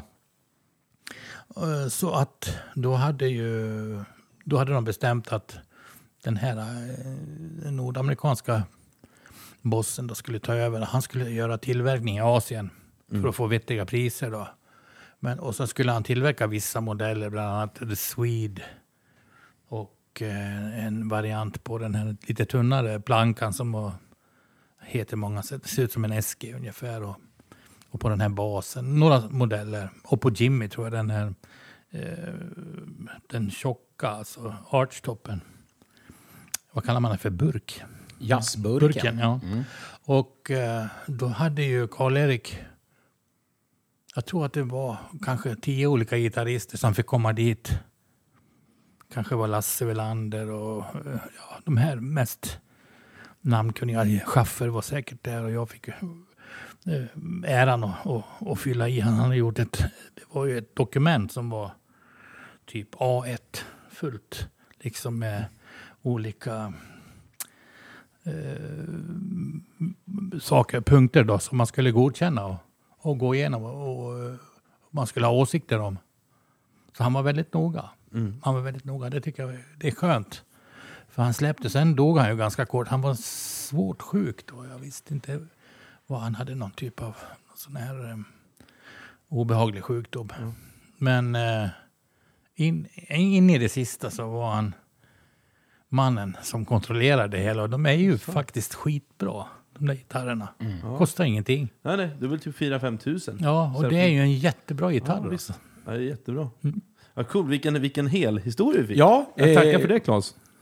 Eh, ja, från min eh, lilla blyga fråga till, till en historia. Ja, det blir, dra gärna iväg. Jag och Pierre, vi brukar ju ligga på golvet och, och läsa Hagströmskatalogen vet du, när vi var små och drömma. Det känns som du och Pierre, för Pierre, du menar Pierre Svärd då, organisten? eller hur? Pirre, ja. Ja, precis. För det känns som ni har, eh, ni har gått, eh, eh, gått separata vägar, fast ni började ihop. Det måste vara väldigt, väldigt fint att få se varandras... Nu får ju nu inte Pierre här, men om vi inte ska ringa honom då. Men jag tänkte att du, men det är inte fint att se en så god vän göra en helt eh, belysande karriär på det han håller på med. Och så var det tvärtom då, för du gick åt ditt håll, fast ni ändå samarbetat ibland. ja. Eh, Nej, men han är ju så otroligt begåvad. Pierre, jag hörde ju talas om honom redan i tvåan. Vet du. ja. Det var en snubbe som gick i, på barnträdgården som var grymt rytmisk. Men sen tog det ett par år innan vi började lira. Ja. Och jag gick hem till honom bara och knackade på, som jag brukar göra. Och där stod han med en, med en elgitarr. Dummy som hans morfar hade gjort. En trägrej som var målad som en gitarr. Så frågade han om inte han ville vara med i mitt band. Jo, det ville han visst. Du är otroligt orädd. Alltså jag var nog lite besatt. Alltså, jag, var, jag har nog någon typ av... Diagnos. Ja, det säger min, mina barn. Ja. Ja, det är så populärt numera med diagnos. Ja, men jag, ja, nej, men alltså, jag hade ett starkt intresse. Ja, visst, det måste du verkligen haft. Om man bara, jag hade aldrig Numera vågat heter det på. Asperger. Ja, Ja, men vad kul. Eh, Du hade någonting om någon eh, dansk... eh, Ja, precis. Jag vet, jag byter bana här. ja, Eh, men jag vet en, från ytterst säkra källor att du var gitarrlärare åt en av Danmarks stora bluesstjärnor. Vet du vem jag tänker på då? Du kanske har varit åt fler, men jag tänker på en specifik. Som vi har haft med i podden också. Eh, Torbjörn Risager. ja, ja. ja. Mm. För du var nere i Danmark och jobbade på konservatoriet va? Jag spelade alltså... Nej, jag jobbade på den rytmiska aftonskolan. Ja, så det var så. Eller den rytmiska musikkonservatorium. helvete. För helvete, men. vad- Ligger li, li eh, nedanför Christiania. Perfekt. ja, såklart. Perfekt, sa han. Nej, men de är ju... Det är ju en fantastisk skola. Och danskarna är ju några steg före när det gäller pedagogik och sånt här. Så att eh, det började som, som, eh, som en eh, kvällskursvariant över hela Danmark. Det heter den rytmiska aftonskolan. Ja. Och så småningom så utvecklades det till det rytmiska konservatorium. Ja. Och det är alltså en musikhögskola för, vad kan man säga, afroamerikansk tradition som det heter. Alltså jazz, blues, soul, Ja. funk och allt sånt. Ja. Det är en jäkla bra skola alltså. Jätte, jag har haft två kurser. Jag känner ju en av studieledarna där som är en gammal dansk rockpionjär, Ja. pop. Och han brukar ringa och säga, nej nu är det för mycket jazz, för fan, kom ner så vi får lite, komma ner på jorden igen här. och det gör jag ju gärna. Ja. Men händer det fortfarande att åka ner och... eh, Nej, nu, nu har han slutat Ja. för tio år sedan och jag... Ja, nej, men alltså den där skolan är kvar och den är ju väldigt högt ansedd. Politikerna skryter ju om den är internationellt. Så det är ju det är ju liksom en, Fjäder i hatten. en fjäder i hatten. Ja. Och du, har varit, och du var lärare där. Så du, hade haft den till dig då? Ja, alltså jag, ty- jag tyckte det, det var ju bara, vad fan, det är bra pröjs och det är kul. Man bor i Danmark vet du, och har, har det skitbra ute på nätterna och jammar. Vet du. Ja, såklart. Är, är det här vuxenskola eller gymnasium? Eller vad? Det, är, det är alltså högst, högskolestudier. Ja, precis, ja. Du får ju en, en, du får en högskoleutbildning. Poäng. Ja. Du får poäng, alltså som, som, eh, du får en examen som, som, på, som en musikhögskola. Alltså. Men har du träffat Torbjörn Risager så här i efterhand och Oh, ja. prat, pratat med honom? Och, han är lite blyg eller, mell- mellanåt, eh, kan jag uppleva. Men, men Eh, Han är nog ganska privat. Tror jag. Han vill väl inte bara släppa för mycket. Han är ju en familjekille. ja. Men alltså på den tiden, då var han ju nästan aldrig där, för han var ute och giggade jämt. och det är ju ett bra betyg. ja, visst. Han körde ju sin, han är ju jävligt duktig. Han körde mycket Ray Charles repertoar. Just det. Och Zappa och sånt där. Ja, jag tycker han är, han har ju fantastiskt skön röst. Ja, jag håller helt med. Så du, är att inte det är för- kul. du är inte förvånad att det gick bra för honom helt enkelt? Inte alls. Nej. Nej, och nu är de ju på, på tapeten i England för eh, att få priser som bästa blues och sånt där. Det är kul. Absolut. Att det går även internationellt. Men kan, det, kan, kan du känna, kan, du, kan du bli stolt över dig själv att du har varit en del av en, man, en annan människas framgång, även om du bara var där ibland och undervisade? Inte att du tar åt dig äran för att det gick bra för honom, för det är hans egen förtjänst såklart, Ja. men kan du, bli, kan du bli stolt över att, att du, du var ändå en del på ett eller annat sätt? Alltså, jag tycker inte jag var, nej, jag tycker inte jag, jag var någon större del. Det- Han var ju han var i full gång Ja. redan då. Men, men alltså, det finns ju andra som, som man har mm, kanske hjälpt mer då eh, och, och så vidare. Men det, alltså, det där är ju någonting som bor i en. Jag har ju, jag, att jag har blivit så pass och klarat mig så pass bra, det är ju att jag har haft förebilder som har kunnat dela med sig. Mm. Jag har ju lärt mig allt genom att se andra göra sitt hantverk. Mm. Det är ju den bästa skola som finns. Jag bodde i Göteborg i tio år och var, häckade på jazzklubben och på kåren och sånt där. Jag har varit, haft, eh, fått göra gig ihop med Albert Collins, och Mike Bloomfield och Stevie Ray Vaughan, B.B. King, alla. Så man har ju liksom kunnat snika in. Det här måste vi prata om. Och, del, och du vet, en del blir man ju kompis med. Ja. Så det är ju kul. Ja, får man höra någon skvaller? Vem blev du kompis med? Ja, Collins till exempel. det var jätte... Det var, Mannen med världens längsta gitarrsladd. Ja, han hade 60 meter vet du. och han hade en vit snubbe som, som var där och, och satte upp allt. Och vi skojade så, eh, med honom. Men, men han var så skön alltså. Och, och hela bandet var ju otroligt bra alltså. Eh, vi spelade ju, vi var förband och jag hade ju sån otrolig respekt för Collins. Jag diggar, jag hade ju diggat honom länge. Och så vi satt ner, vi var populära va. Jag tänkte vi får inte ta för mycket nu. För Det var ju mycket våran publik som var där. Men Så vi satt ner på stolar och spelade lite sådär. Och eh, när vi hade gjort vårat set så stod ju Johnny Gaydon och väntade. Så fick han stor kram och så sa fan, fan vad ni spelar. Du gubben, han vill träffa dig nu. Vet du. Kan du gå upp? Så jag gick upp. Och där sitter Collins. Nej, nej, du, han är sån här. Så du. Nej, nej, Want some fruit man? han har ju slutat med all booze och allt röka och sånt där. Han var ju buddhist då. Vet du. Ja. Så fick vi indruvor och sånt här. Och så, you, you, gotta, you gotta draw a diagram of your, your amps man. It's the best sound I ever heard.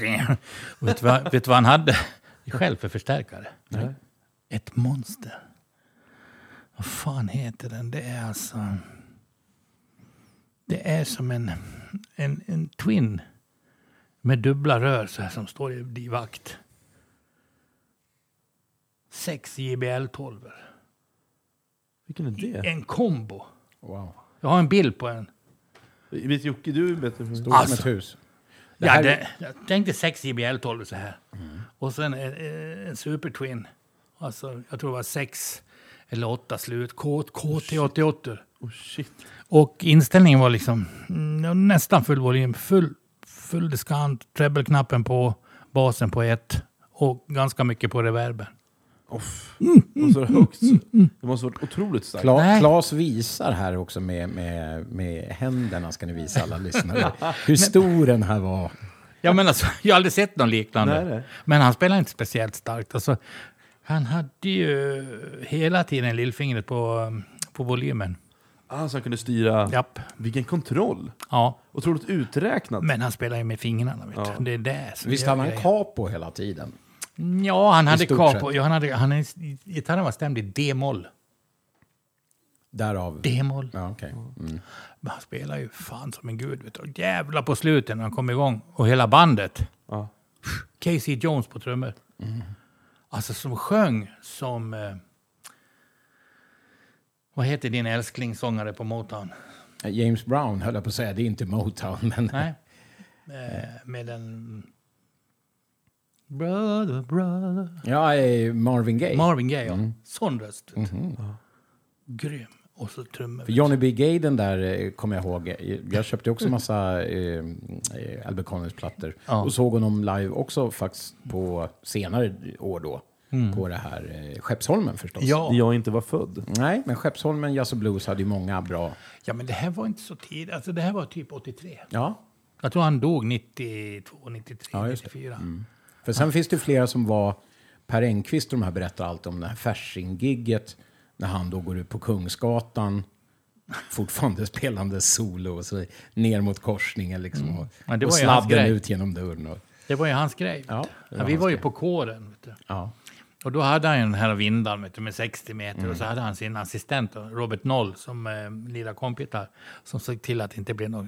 Och han stack Att iväg. stod i vägen. Ingen fattade ju vad fan som hände. Alltså, det lät ju, men han var ute och ropade på taxi och höll på utanför kåren. och, så kom han, och så kom han in. Men han var jävligt bra på slutet. Vet du.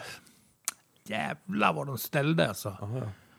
Och så, vad heter han, AC Reed på tenorsax. Vet du. Gamgubben. Ja, för visst, han hade, han hade ju blåsektion alltid.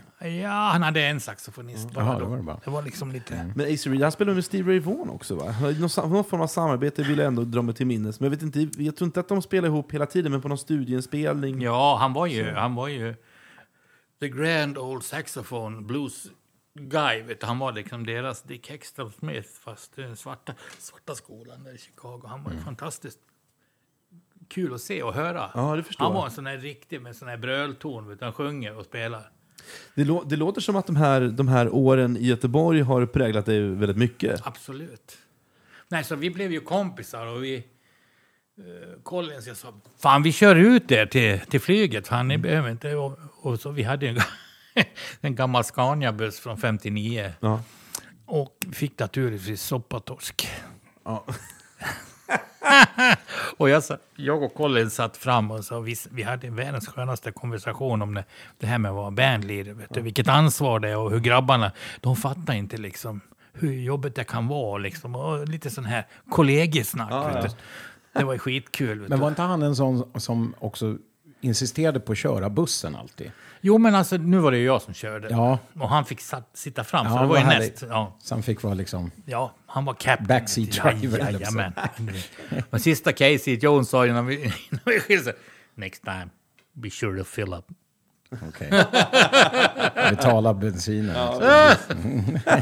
Men sen, äh, det där kompet använde ju um, Iglauer på, um, på Alligator. Ja. Jag träffade ju John i Winter sen.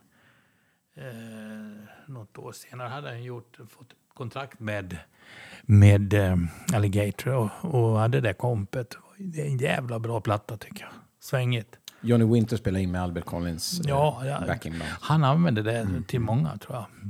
I sin, i, i sin rooster då, på, på Alligator. Ja. Min, kompis eh, John Perry spelar ju med, med, med Johnny live då. Han var jävligt besviken. Men alltså jag måste nog säga det där kompet, alltså den gick inte av för hacker. Alltså. Det, var ju, det, var ju, det var ju liksom lite... Det var jävligt groovigt. Alltså Johnny hade ju en sån här spagetti-trummor, sån här gammal hårdrock-trummor Ja, ja. som slamrar och jävlas. Det passar inte riktigt, Nej. tycker jag. Snackar vi För 80 han har ju Ja, men de här var ju väldigt så här, eh, de var ju väldigt funkiga, tycker jag. Ja, det var ju... Det var ju Det var liksom- de hade ju med sig det, i sin Ja, tradition. verkligen. Mm. I och med att de var svarta, liksom, hade den, den uppfostran Ja. säkert. Liksom, och gå till kyrkan och, och Mm. lyssna på... Om, om man är i staterna och eh, har möjlighet att gå till en, en, riktig baptistgudstjänst så ska man absolut göra det. är fantastiskt skönt. Alltså, det är ju något annat än hem, Jag hemma. skulle, jag, skulle, Absolut. jag skulle bjuda min mamma på en, eh, precis innan corona slut, vi hade bokat resa, alltså skulle vi åka på en sån, eh, åka ner till New Orleans, så där tänkte jag ta med henne till en baptistgudstjänst, hon Ja. är, är, är religiös och sådär. Ja. Så där har hon älskat. För jag tror att det är en helt annan grej gentemot i... Ja, men alltså Jehovas hade ju ganska häftiga... Uh, guds, vi, när vi var små då gick vi in i Jehova, eller Maranata-tältet. Ja. Jävlar, det var det cooking alltså. Ja. Vi satt alltid längst bak och drog i mellanbärs, så det var ju vinter och sånt där. Sen var det alltid någon som fick gå fram och bli frälst. Det, det var ju grejen. Det var ju, Tala i tungor. ja, det var grymt. Det var härligt alltså. Men annars det här med New Orleans-resor, det är ju en, lite av din grej väl? Ja, alltså, Visst det- har du varit en, och är kanske fortfarande någon form av reseledare? Eller Alltså, är jag ute och det- cyklar? Nej då, det där gick ju liksom... Det var ju så att vi hade ju spelat en, en hel del i USA med Sky High och då hade jag ju varit turnéledare och lagt upp allting. Och eh, mina kompisar, de var lite sura. De tyckte, hmm, du verkar ha så kul när ni är där, ni gör det och det och ni träffar dem och dem och äter det och det och liksom allting verkar så kul. Kan inte du fixa åt oss nu, vad fasiken? Vi är ju kompisar ändå. Okej. Så gjorde jag det. Det var ju det största misstag jag har gjort. Sen ringde en annan kompis som jobbar på resebyrå. Du, jag har tolv stycken som vill åka nästa år. Ska vi köra? Och det är ju tio år sedan. Ja, jag, Tolv år sedan. ja du, men Lis, det måste vara... Shit vad tiden går snabbt. För Lisa följde med. Ja. Vi var i 20-årsåldern, så åkte hon och Bruno ihop. Ja, det var kul. Ja, det visst. var härligt. Tänk att vi fick gå in på Chicago Southside och upp och lira, vet du. På en riktig bluesklubb, vet du. För en riktig bluespublik. Ja, fy fan. Va, Dröm. vilken av klubbarna kommer du ihåg? Mm, det, det var ett tufft namn alltså. Ja, det var det var ungefär som Revolver. Du vet, vi hade ju Marie Martens. Mm. För hon är ju, hon är ju kanske känd eh, för många svenska och Stockholms bluesdiggare. Hon, hon spelar ju bas och gitarr. Eh, Hon spelar med Jenny Boman. Just det. Mm. Eh, jätte, jättehärlig trio. Nej, först var det ju en trio ja, och sen så körde de med Jenny, Little Jenny and the Blue Beans. Vi hade dem eh, uppe på, på våran Blå tisdag i Falun flera gånger och eh, eh, Marie flyttade ju till, eh, blev kär i en kille där i, i Milwaukee och eh, känner till scenen så hon tog, jag kommer inte ihåg namnet, men hon drog dit oss. Det, var, det var jävligt Men visst körde kul. hon med Tommy Cougar tidigare? Ja, precis. Ja, de, var precis. Ju, de var ju ett par. Ja, Ja. hon var ju det. Precis. Men vad, vad häftigt allt det här är. Nu, eh, jag vill bara sitta och timme ut och timme in och lyssna Ja. på, på vilka du har träffat. Och, spe, och de här eh, resorna kräver ju nästan ett program för Ja. sig. Ja, Eh, nu, Men nu, vi ska, vi ska eh, så sakteliga gå över till den här plattan som du har gett ut. Ja. Över då till den här eh, nya plattan Claes Yngströms Blue Devils Mm. som ni heter. Som vi ska snacka en hel del om. Och vi ska faktiskt lyssna då på några smakprov också ifrån den. Bra. Den heter Jävelskap, Mm. eller hur? Eh, och om jag läser rätt så är det 11 av de här 13 låtarna någon form av eh, klassiska blueslåtar som ni har satt svensk text till. Stämmer det här? Eller har jag... Jo, alltså man kan nog säga att vi har, vi, har väl, vi har väl gjort det väldigt mycket eget. Vissa känner man ju igen och jag vill ju gärna ha, ha liksom ursprungsnamnen med eh, om de finns. Det är ju lite grann av ett detektivarbete. Eh, någon tror jag var helt öppen som man inte visste. Men, men det var kul att det är kul att, forska. Eh, den här låten Sitting on top of the world. Som så många har gjort och som är en sån fantastisk låt egentligen. Den eh, är tydligen skriven av en kille som spelar med The Mississippi Sheiks. Den spelades in 1930. Okej, det är en gammal. Ja, och det var ju, de kallas väl för string band tror jag. Det var ju fyra, fem svarta killar med två bröder. Jag har svårt att komma ihåg namn sådär. Men, men de finns ju även, kan man lyssna på, på eh, digitala speldosor Ja. överallt. Ja. Den här, och just den låten eh, menar du att ni har Ja. gjort en version av då? Det har vi gjort. Ja, och vad, vad heter den då? Ja, det på? var en bra fråga. Vad skönt, vad skönt att jag hittar en till person som gillar att gå till botten, Claes. Jag, eh, Julia, min flickvän, blir Mm. Förbannad om jag vill lyssna på en låt och så måste jag gå till botten med vem som har gjort vad. Och det, Ja, men- det, det är ju det som inte, det är jätteintressant med historien. Ja, men jag tycker det är kul. Men Ja. alltså, man måste ju ha klart för sig att mycket av den här musiken, om vi pratar traditionell blues, även det som vi kallar för Chicago blues och, och, och senare också, så, så, så är det ofta som i Dalarna va, att eh, en låt vandrar från by till by, från spelman till spelman.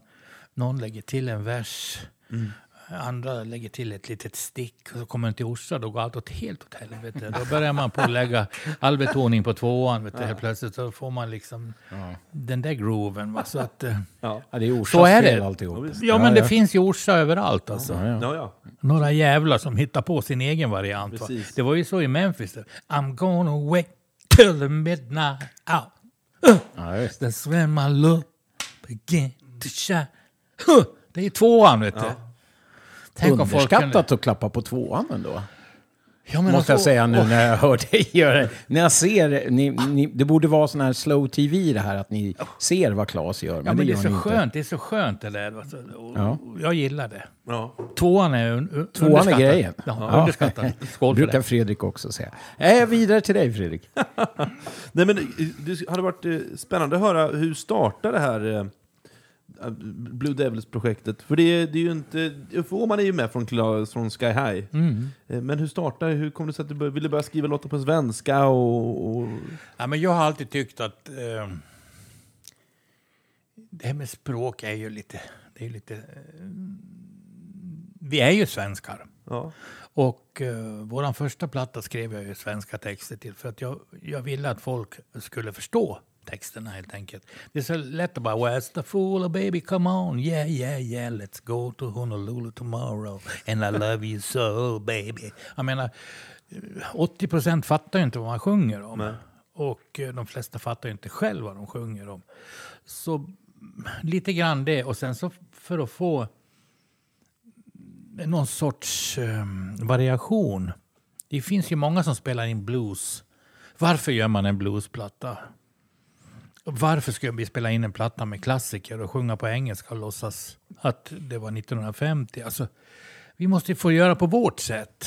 Och eh, jag har alltid tyckt det var kul. Jag, jag producerade en, en grupp, ja, det är nog en 25 år sedan, som hette Bluesbag. Jajamän. Har vinylen hemma. Mm. En stor favorit. Ja, visst är den Ja, bra? jag älskar den skivan. Ja, det, det, för, mig är det, för mig är det en form av bibel, tror jag. Mm. Ja, den är jättebra tycker jag också. Norrköping, va? Norrköping. Mm. Norrköping. Mm, Norrköping. Ja, men de är... Lennart och bröderna. KG. Ja. Vi, vi, vi lärde ju känna varandra vi, i tidigt i Sky. Då hade de en grupp som hette Baden-Baden och körde svensk pop. Ja, okej. okej. Det var lite som Gyllene Tider. Men sen när, när vi hade gjort ett gig ihop, då blev de sugna på att spela Riktig musik. lite sån här low down. Vet du. Och de blev ju jättebra. M- Men jag fick ju idéer. Jag har ju mitt skivbolag Pike Records. Så jag erbjöd dem att jag, jag kan producera och, och, och hjälpa er med, med den här plattan. Men ni måste sjunga på svenska. Det blir succé. Ja, det blev ju ingen större succé, men den är en bra platta.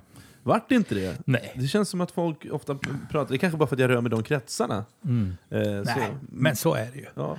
Alltså jag har ju ingen koll på marknadsföring och sånt där. Jag tyckte liksom, det var väl mer att de skulle ha någonting att sälja. Ungefär som vi gör med våra skivor. Men det ja, har väl blivit en kultklassiker mer? Ja. eller ja, hur? men jag tycker man kan Ja, kalla det, är för ja, en kultklassiker. Till och med vi som... Känner du till det? Ja, men vi, till och med vi härifrån från Människobyn Ja. känner ju till att de, de liksom gjorde sin grej och de var med i tv, kommer jag ihåg. Ja. I något, vid något ti- tillfälle. det var ju- För det behövde man ju vara om vi skulle få reda på Mm. det. Vi var ju aldrig i Norrköping och kollade på någonting. Nej. Det Men jag, men jag vet att Bluesbag har jag sett på tv och tyckte det var fränt, som Mm. du säger. Ja, men det är ju fränt. Mm. Men det var ju synd att de inte fick spela mer, utan det var en sån här frågesport. Då skulle de spela en...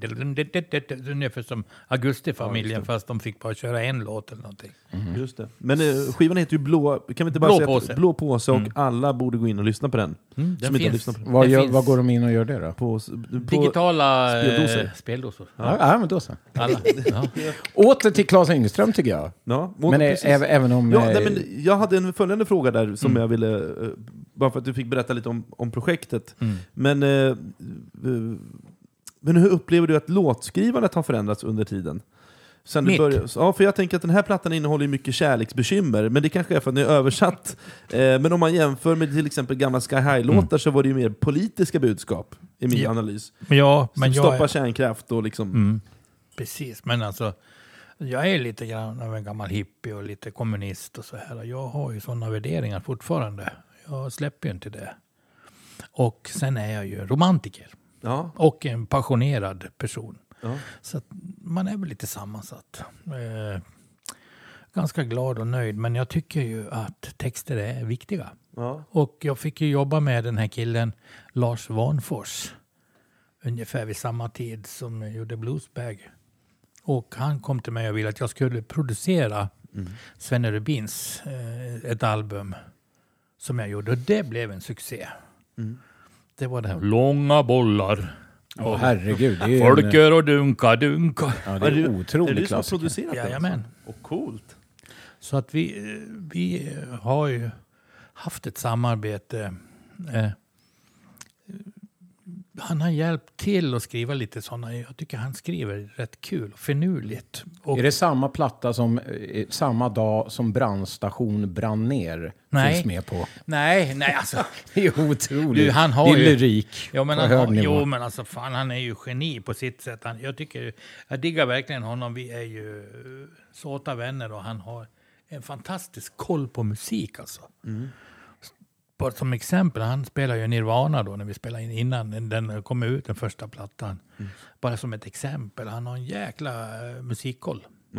Och eh, ja, Så han hade koll på deras demo innan, innan de hade gett alltså ut? han, jag vet inte hur han bär sig Nej, åt, nej, men nej. han är Nej. liksom en riktig musiknörd. Men jag, jag, jag vill skicka tillbaka frågan här. Ja. Hur, jag, jag känner att jag inte fick svar Ja, på den. Hur ja. upplever du att låtskrivandet har förändrats? För mig så har jag ju blivit bättre på att skriva texter. Ja.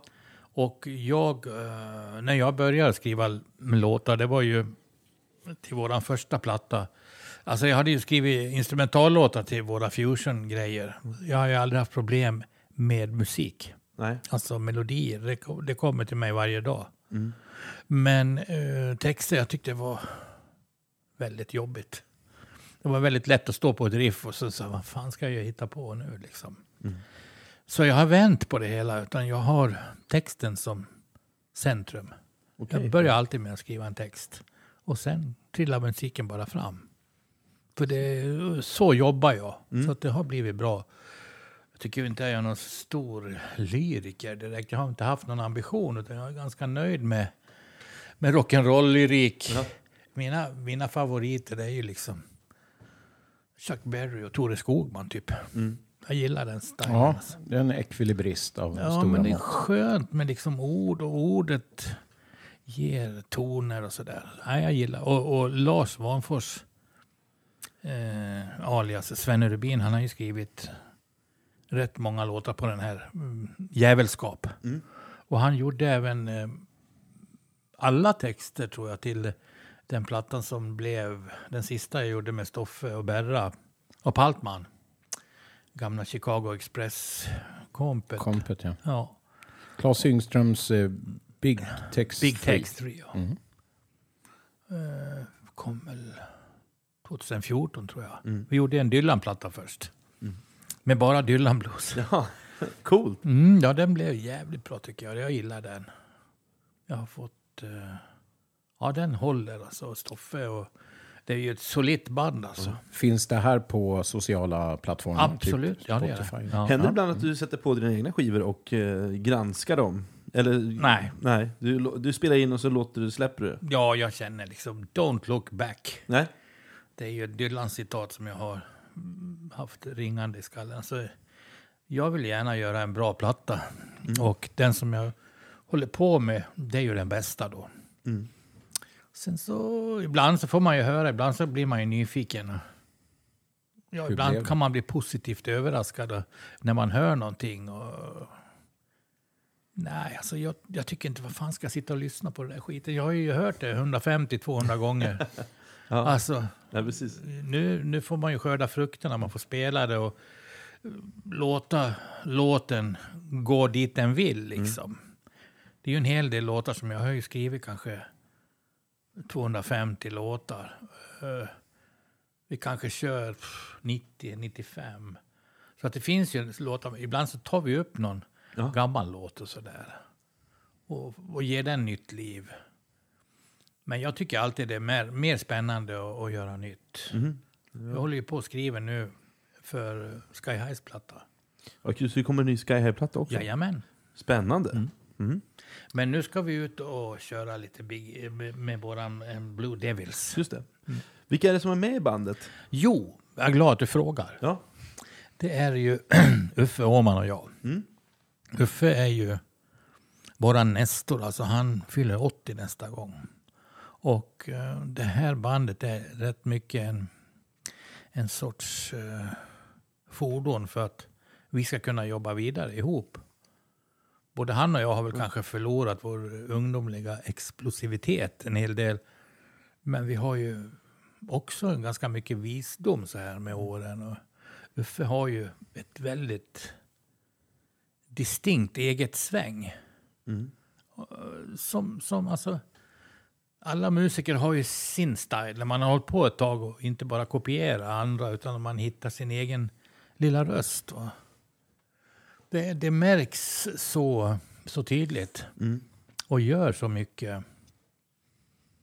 Och Uffe spelar, ska vi förtydliga trummis, då. ja. Han är trummis. Han är trummis. Ja, så att alla lyssnare hänger Ja, med här. han är en jäkla bra trummis. Svängig trummis. Och, eh, och sen så hade han jobbat med ett par yngre eh, killar då. Patrik Sten som är en riktig bluesvetare. Han, han har gjort många resor i södern själv och hade en, en duo som man kallar för Bluesresan där man vävde in ett föredrag om blueshistoria med eh, musik. Väldigt mycket country blues, klassisk country blues, eh, gammalt, alltså Blind Blake, Blind Lemon Jefferson. Och det har ju han tagit med sig in i bandet. Och han är väldigt skön röst tycker jag, väldigt bra. För han, vi ska väl säga det till lyssnarna, att det är inte bara du som sjunger Nej, på plattan. nej, oh, nej. nej. Han har en väldigt härlig röst tycker jag. Patrik och jag, vi delar på både sång och gitarrspel. Och han är ju slidegitarrist också. Och eh, väldigt, väldigt kunnig när det gäller blues. Och har ofta lite stories och de, och de här gubbarna vars låtar vi spelar. Och sen har vi ju då ehm, eh, oraklet ifrån, eh, vad fan heter det nu, en liten by utanför Avesta. Christer Ring på munspel. Ja, ja. Just Ja, det. känner jag till. Ja, Ja. han är skön. Men inte han från Hedemora? Nej, Nej, inte från Hedemora. nej han, han brukar ju åka och vara med på The Blues Jam in Hedemora. Just det, Ja, exakt. Där har du nog träffat honom. Ja, exakt. Ja. Jo, det har jag. Och han är ju ofta och vi har och nu har han till slut lyckats få till ett gig med oss där. Ja. Ja, kul. Ja, Vi det- träffat honom på, både du och jag har träffat honom på Munspelskonventet Just det, Harp Meet, i, ja. eh, i Norrköping. Just det, som jag och till och med intervjuat honom för podden en gång. ja. ja, en snabb eh, intervju, men ja. Ja, men han, han är ju skön. Alltså, det är ju det är fem galningar. Alltså. Och sen så har vi ju eh, Robert Ivansson uppifrån uh, utanför Skellefteå på, på bas. Han är ju... Men boende här va? För han bor- ser jag till mycket här. Oh ja. Jo, han har ju varit eh, en sån här kille som spelar med... eh, ja, när det har varit show på Hamburger Börs och stora turnéer för EM och sånt där. Som, han kan lira allt. Alltså, han eh, spelar ju både kontrabas och elbas lika bra. Ingen vet vad han gör egentligen. Han är hemlig. Ja, men alltså, han är inte hemlig, men han spelar väldigt eh, på ett eget sätt. Alltså. Men Skitbra alltså. Jag, jag diggar verkligen honom. Och sen är vi ju, har ju vi ju blivit såna kompisar. Ja, såklart. Det är ju så- den viktigaste delen egentligen när man ska ut och musicera, att man är goda vänner. Ja, men vi är faktiskt det. Fast vi är fem riktiga loonies alltså. Det kanske, ingen lek. Skivan kanske skulle heta Galenskap istället för Djävulskap. Nej, alltså det är djävulskap. Helt klart. Devils måste ju bli djävulskap, absolut. Ja. eh, jag tänker ju så här också, när, min första, för nu har vi lyssnat in oss, jag och Fredrik här, på skivan. Ja. Mm. förstås. Eh, I och med att vi gör vår research Ja, det är bra. här, Det- i, det- här i Bluespodden. Heder, heder. Eh, och för mig, ja, du är ju en, en riktig dalmas, det, det behöver vi inte eh, tjata vidare om. Eh, eh, Borlänge, Dalarna och så vidare. Ja. Och så förvånade det mig eh, på många låtar, så jag hör ingen dal, eh, inget dalmål alls. Nej. Det låter som att du sjunger på någon form av rikssvenska. Hur kommer det här sig? Ja, det kanske kommer så småningom, men jag, jag tycker det låter ganska larvigt om jag börjar på liksom att göra mig till. För att, eh, ja, vi får väl se vad det blir. Det kanske blir nästa. Jag är inte riktigt redo än. Nej, nej okej. Alltså Borlängemål är inte det vackraste. nej, du tänker så. Ja, okej, Och det är okej. ju mitt mål. För jag tänker att det borde vara tvärtom, att du, du får lov att, att, att inte Nej. göra det till, men att du får lov att tänka till dem. Ja, men det kanske låter som någon som har stått och slagit huvudet i, i, en vägg en hel dag och så försökte prata. Vet du, alltså det är ingen lek. Nej, nej.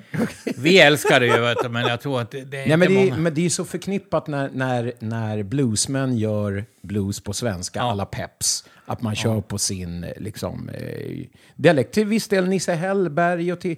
Ja men sådär. Att de Peps kör hade sin, tur, vet du, som blev född i Skåne. De har ju diftonger och grejer. Att det passar, tänker Det du. passar ju Ja. bra. Men har du provat på och, och känt, nej men det här går inte. Ja, Ja, det är inte det. nej, nej, nej. Nej, det här går inte. nej. Jag inte tänker- än. Vi får Nej. se. Ja, ja, jag ja. kanske hittar det. Du kanske Ja, ska sjunga på östgötska då? Ja, det, det är Eller den svåraste dialekt att härma, Ja. tycker jag. Hörde du, eh, men, Det är som, det är som Gute, alltså, ja nej, fy fan. Gute, Det ja, men det är Gute lite lättare än Dalmås. Precis. Ja, ja, nej men vad bra, för det, det var första jag tänkte på, eh, första frasen där, direkt så bara, men är det här Klas som sjunger? Ja, det är det faktiskt. det. Mm. Men du vet, det, nej, men jag vill ju gärna att folk ska vara med i texterna och inte tänka för mycket på det här jävla Nej, nej, nej. konstiga. Nej, och vi absolut. svär ju så mycket i Borlänge, vet du. Ja. Det är varenda ord, varannat ord är svärjord. Om jag, om jag ska ut och hämta gitarren säga Nej, fan jag måste ut och hämta gitarrjäveln. Ja. ja. Han ligger i bilfan. Fan jävla fan. Ja, det är hela tiden. Alltså. Det är lite ilska helt enkelt. Nej, det är inte ilska, det är bara naturligt. Ja, ja, ja.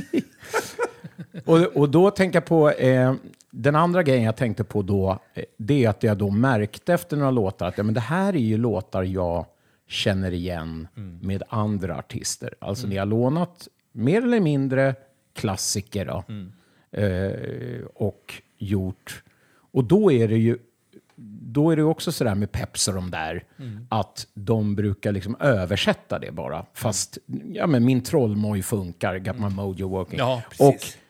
Då gör man det bara fullt ut, precis som, ja men rakt av liksom. Medan ni, upplever jag, lånar en fras, kanske, eh, som gör, ja ah, just det, det är den låten. Men sen så är det något helt Precis. eget resten av låten. Ja, men så ni, är det ju. Ni växlar ju väldigt mycket där. Det är väldigt Finns det en tanke med det eller är det bara, det, det blev så bara? Eller? Nej då, det, alltså, det där tror jag är eh, väldigt mycket Lars Vanfors konst.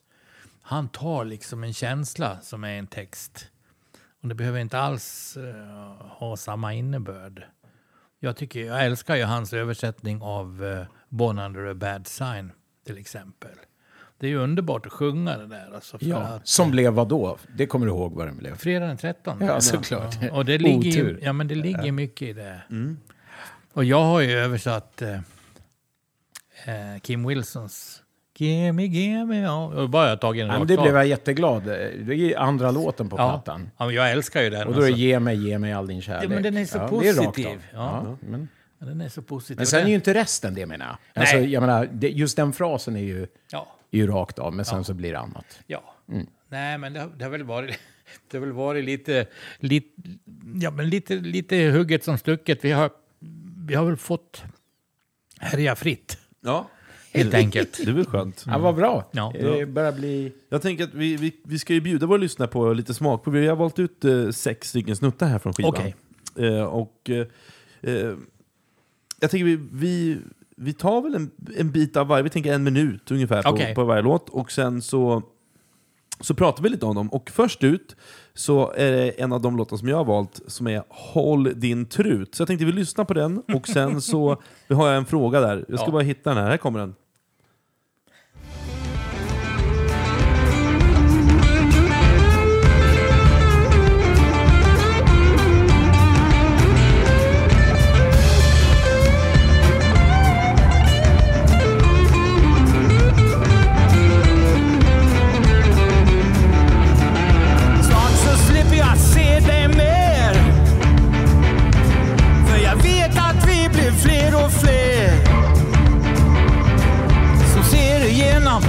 if I saw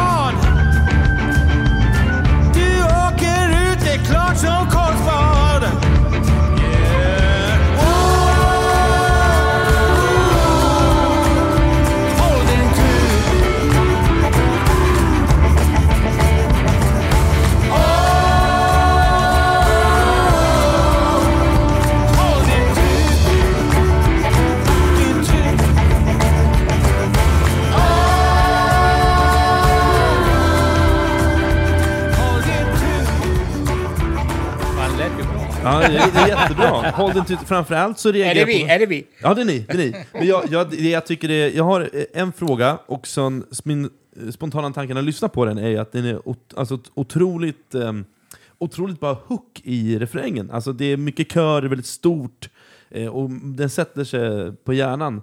Eh, hur tänkte du när du skrev den här låten? Om det är du som har skrivit den, jag har inte dubbelkollat. Det är Bo Diddley, vet du. Ja. Hush Your Mouth. Det är en av hans eh, kanske mindre kända låtar, men jag har alltid älskat den där. Eh, Den är lite oregelbunden i verserna, har lite olika former, men, men, men jag har alltid gillat den. Vi har ju gjort, vi har gjort den på ett lite annorlunda sätt. Ja. Men, men dragit ner tempot lite. Och, men vi har, vi har ju kört den där på engelska Ja. i alla år. Jag gjorde ju det med, med eh, Stoffe och Berra redan. Då brukar vi ha den som sista låt. Eller Just det. Det kan- när, när folk har fått i sig några bärs. Nej, varför ska ni sluta nu? Ja, men vi har ju bara spelat i tre timmar, era förbannade. Du vet, du vet hur det är. Ja, ja, visst, det är klart. Vi är ju lite stelare i det här landet.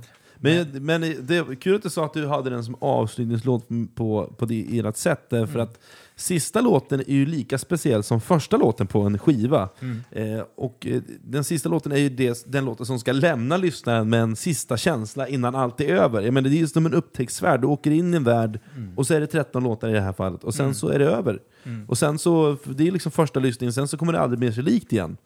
Eh, och därför tänkte jag, finns, nu sa du att ni hade den som sista låt på av, som sätten, men eh, fanns det någon specifik tanke till varför ni hade den som sista låt? Eller blev det så? Jag tycker inte det finns någon annanstans att sätta den alltså. Nej. Utan den är liksom en sån låt.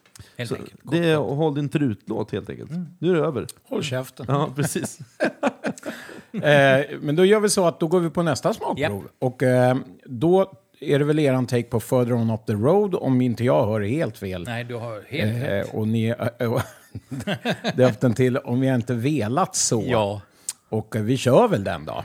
Det är min, gamla, min, min granne, min kära eh, goda vän Anneli Ström, som är före detta nattredaktör på Dala-Demokraten och som verkligen har ordets gåva. Hon har aldrig skrivit någon eh, låttext förut, men jag var helt övertygad om att hon skulle få till det. Ja, just det. Så att jag är väldigt nöjd med hennes insats. Ja, för det var ett, det var ett efternamn där som jag inte kände Nej. igen alls. Ja, det förklarar saken. Okej, så hon, det, är alltså, det här är en eh, journalist som har skrivit en låttext. Ja, Spännande. Då kommer den här. Om jag inte velat så.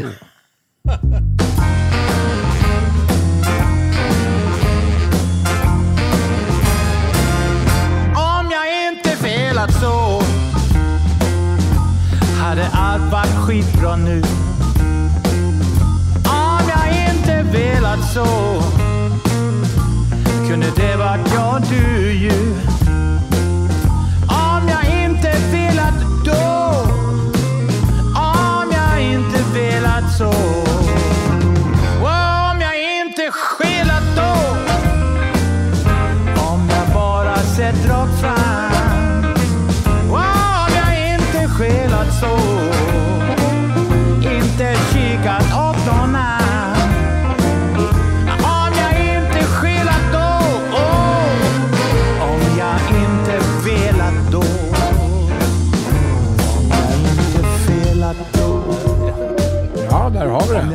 Vad säger du, Claes? Får du feeling? Ja, men alltså det svänger ju. Ja. Det gör det. Men eh, ja, det är en kul text. Ja. Velat, skelat, felat.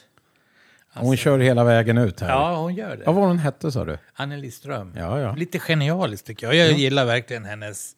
Hon har ju skrivit två, men det här är- tycker jag är riktigt bra. Vilka är det som eh, blåser då? Det är eh, eh, Dalablås, Per Westling på sax. Jäklar eh, hantverkare.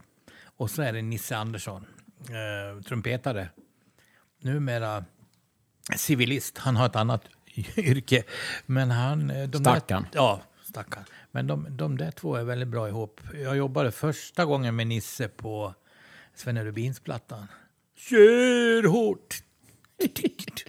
Mens du lever.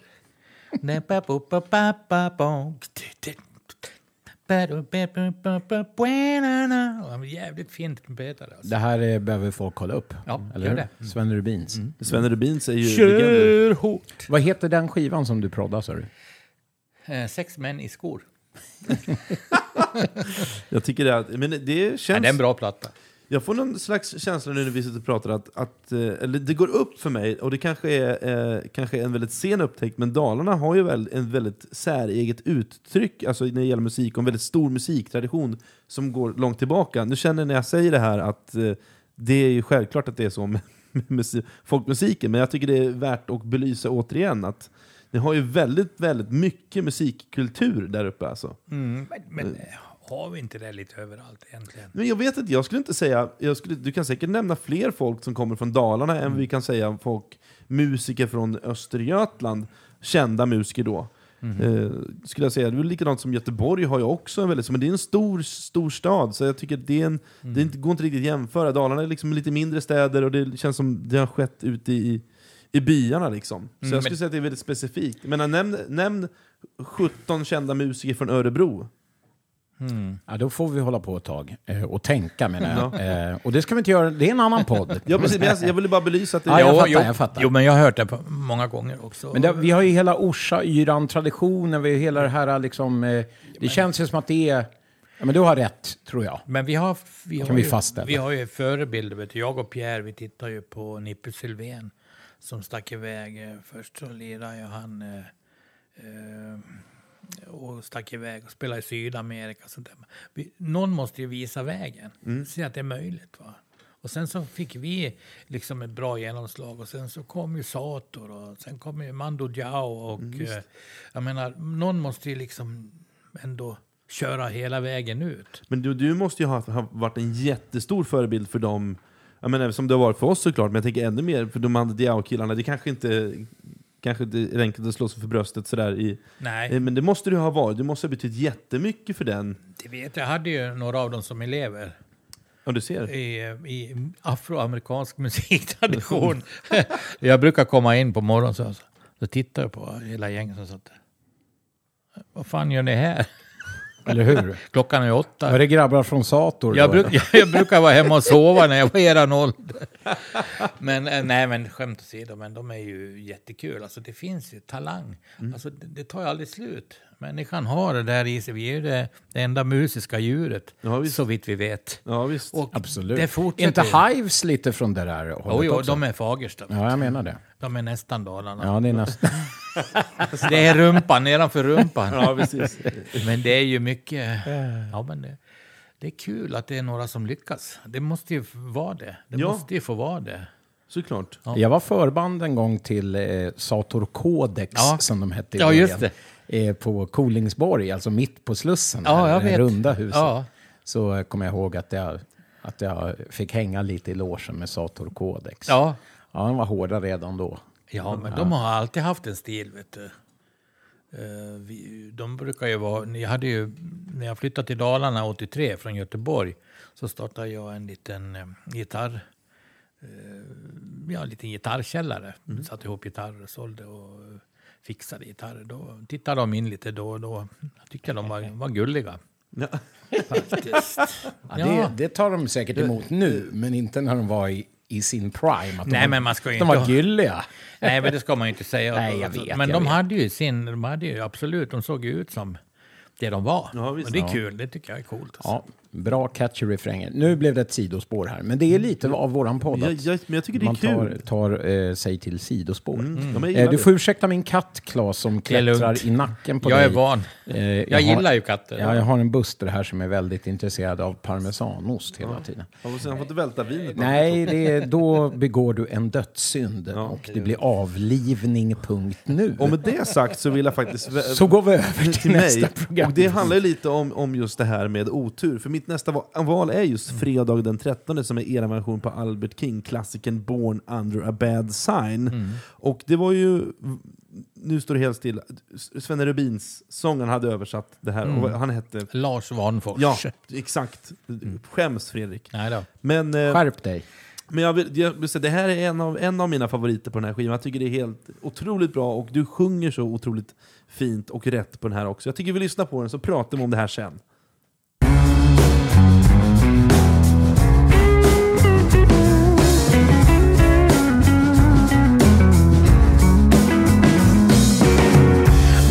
låter som en tanke.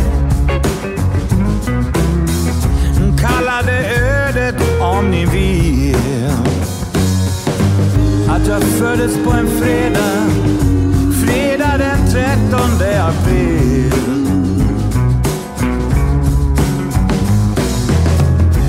Otur i kärlek. Med tur i spel.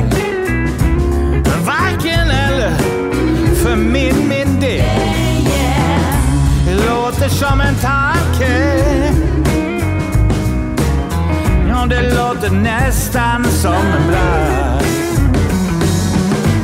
Mm, fredagen den trettonde och sen var ribban lagd. Sen var ribban lagd. Ja, precis.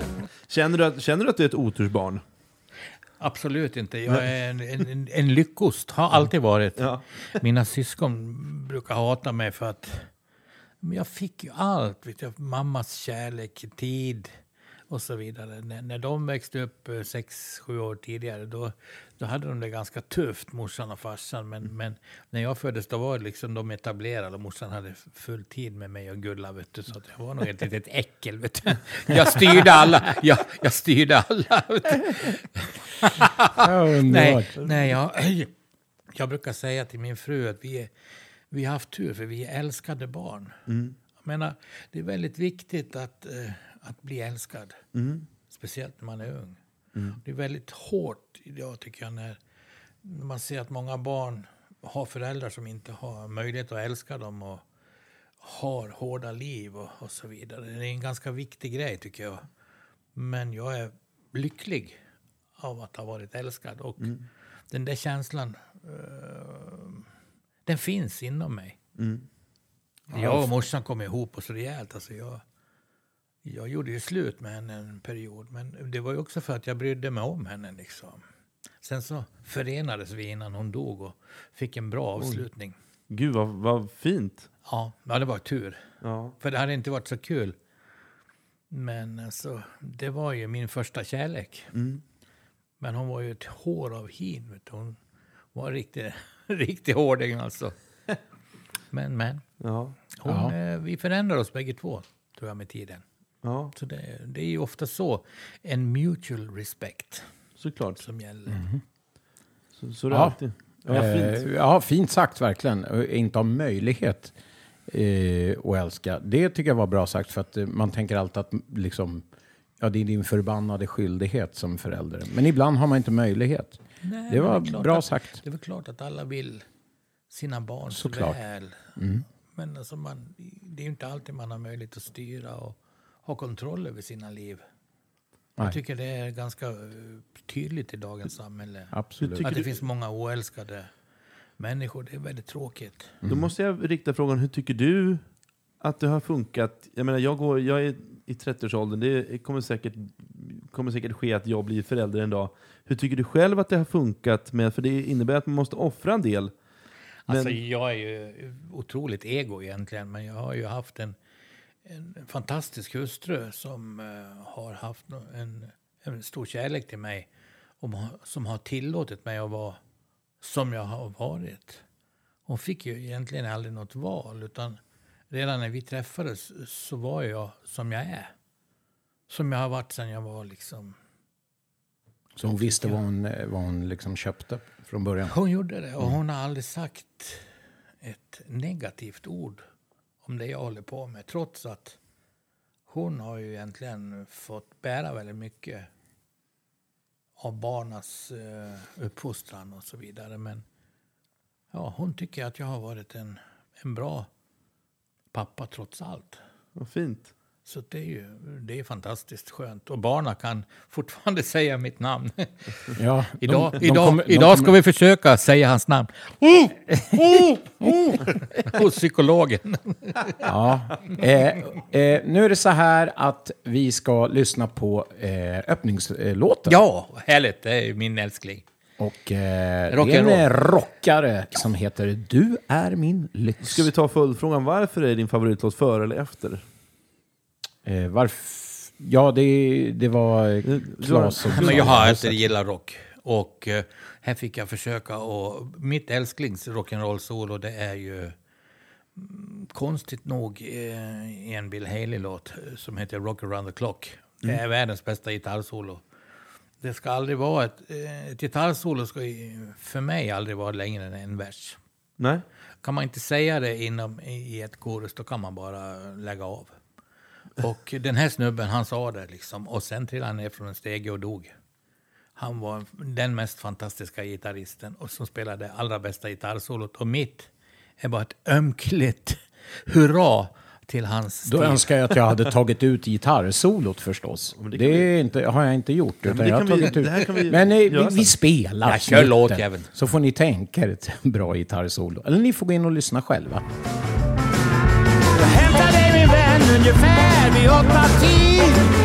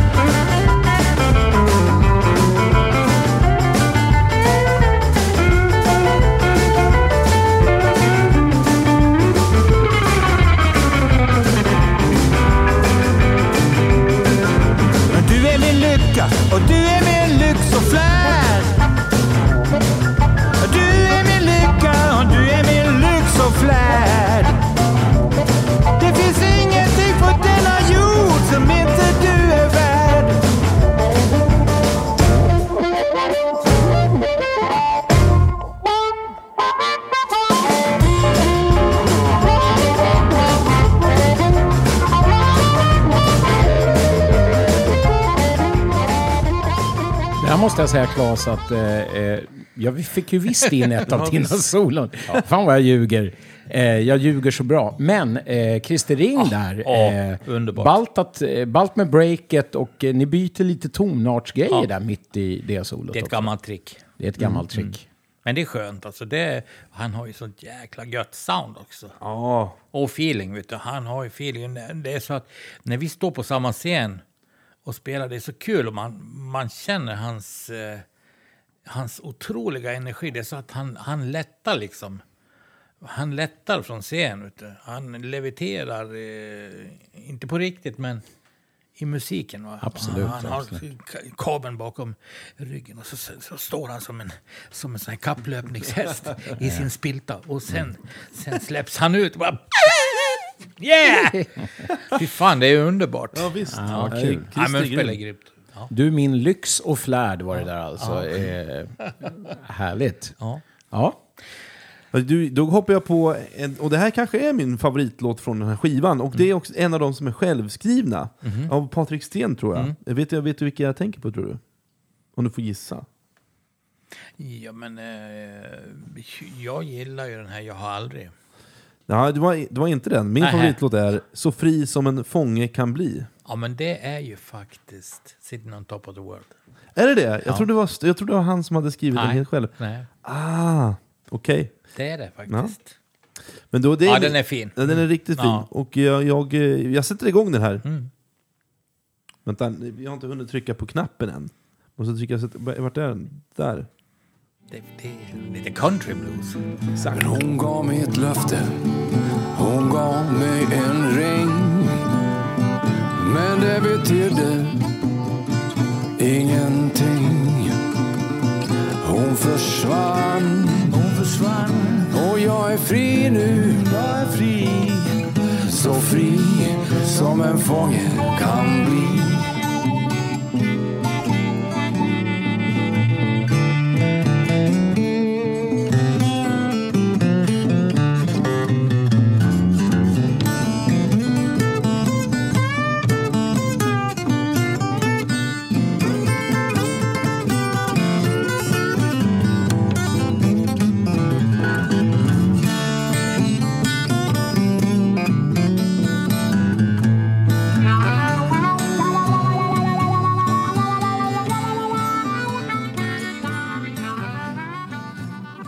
Ja, otroligt Sa bra vi alltså. fågel? Ja, det stod fågel, men jag sa fånge. Men, ja, så vi, vi är förvirrade där. Men så fri som en fånge kan bli och Ja, ingenting annat. precis. Eh, vem är det som spelar gitarrsolot? Det är där? du, va? Du? Mm. Ja, Otroligt fint gitarrsolo. Absolut. Tack, tack. Bra, Ja, det, det är lite klinkigt här och där, men alltså, jag är mer... Eh, jag tycker man ska gå på känslan när man spelar. Visst. Jag tar sällan om.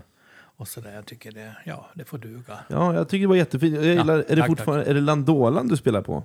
Det är Martin. Det är Martin. Mm. För Japp. du har väl en, en akustisk Landola? Jag vet att du... Ja, Jag hade precis köpt en 12-strängad Landola, nu har jag tyvärr sålt den, men jag vet att jag träffade dig och satt och spelade akustiskt och så sa du att Att, ja, de, den här fick jag som spons, men den stämmer alltid ur sig, så fick du stämma det hela tiden. Att den var helt Ja. bedrövlig att hålla stämma. Ja, jo, men den, alltså, det är en jävligt skön gitarr. Jag kallar den för min finbastu. Ja. Den är ju stor och vit sådär. Och den låter jävligt fint. Mm. Den är gjord i björk, eh, björklaminat på sidan. Så den har en väldigt eh, härlig krispig topp. Mm. Som jag gillar. Ja. Jag hör ju väldigt dåligt, men alltså. jag tycker den låter bra. Sen är det granlock. Mm. Så jag fick två stycken. En tolva och en sexa. Så var jag nere och demade dem nere i Frankfurt. Mm. Och så var det hem en fotograf eh, som Landola skickade. Och eh, jag tog en bild när jag skulle... De hade ju tänt upp en brasa. Så då, på en bild så liksom, skulle jag låt slänga in en brasa. Den gillar de som jobbar på Landola. Den satt de upp. Sant. ja. Finsk humor. ja, men vad fan. Alltså, stå där och slita. Ja, ja precis. Den finska bastun alltså. Ja, det är en. Ja, vad fan vad härligt. Ja, den är jättefin. Men nu är det Marty som du spelar på helt enkelt. Japp, jag var tvungen. Alltså jag, jag letar ju efter någon bra gitarr. Jag ville helst ha... Mitt älsklingsljud är ju Kiefans på Angie, vet du. Ja. Det är ju någon, någon Gibson i mahogny. Men, men. Det vart en Martin med Rosewood. Dyr gitarr, men eh, fan, var, jag var tvungen att köpa. Jag var inne och spelade i musikaffären hemma, säkert under tre veckor. Så till slut så... Han fick pruta 500. Ja. Och när du säger hemma, är det Borlänge då eller? Ja, det var Falun då. Ja, Falun. Är det där du bor eller? Jag bor alltså mellan Falun och Borlänge. Ja, ja. I en, en liten by som heter Hinsnoret. Hinnsnoret. Mm, Hinsnoret. Det var en tysk gruvexpert som hette Hinze som bodde på Noret. Okej. Som är liksom en liten utlöp. Så det har inget med Hinseberg att göra? Nej, man kan tro det. Ja. Men jag brukar säga hin, håle och snor. Ja, det är härligt. Eh, jag tänker då ge mig på mitt sista eh, val av Ja. de här tre låtarna. Och då vill jag ju ta upp den gamla Fabulous Thunderbirds-dängan. Härligt. eh, skriven av King Wilson. Alltså, eh, Give me all your lovin' Och för er blir det då Ge mig, ge mig all, All din din, kärlek. kärlek. Ja. Då kör vi en liten snutt av den.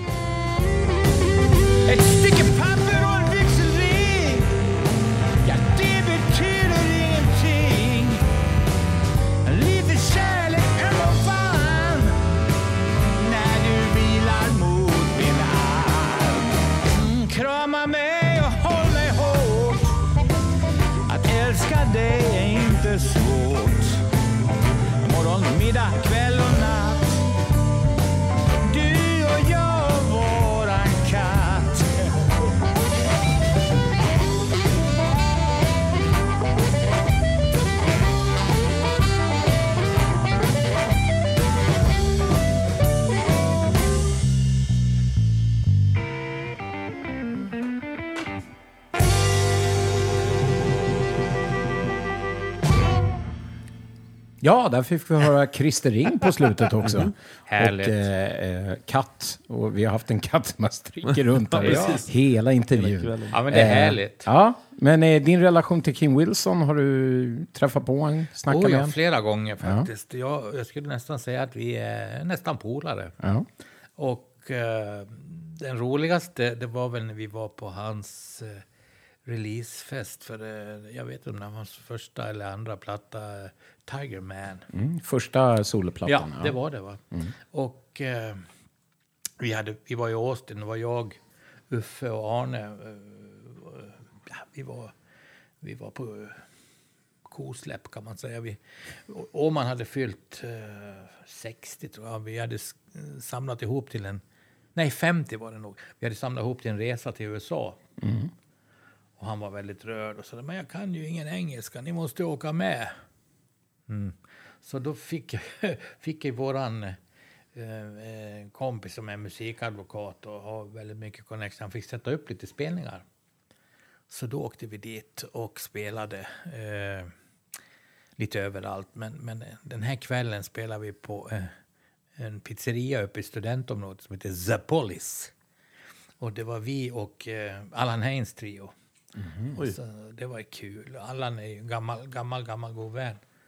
Vi har turnerat ihop. Han hade med eh, Johnny Winters gamla trummis första gången. John Turner. Eh, Så vi lärde ju känna honom och eh, ja, väldigt skön, Men Allan, Allans trio och vi var där uppe och vi avslutade med en cutting heads. När vi liksom utmanar, det är som du vet, i, i Texas Tape. Det, då är det ju en liksom, gunfight. Ja. Liksom. Så på slutet då var det man mot man. Dalkar, dalkar mot Austin-kille. Hur gick det? Ja, jag vet faktiskt. Jag tror det vart eh, sådär. Oavgjort. Borlänge gick segrande. Jag har ju tricks, vet du. Jag har ju tricks. Ja, du har ju fix och tricks. Ja, de har ju hört, de har ju hört, all, de har ju hört Allan rätt mycket. Själv är jag väldigt förtjust i hans spel. Jag kallar honom för the blues poet.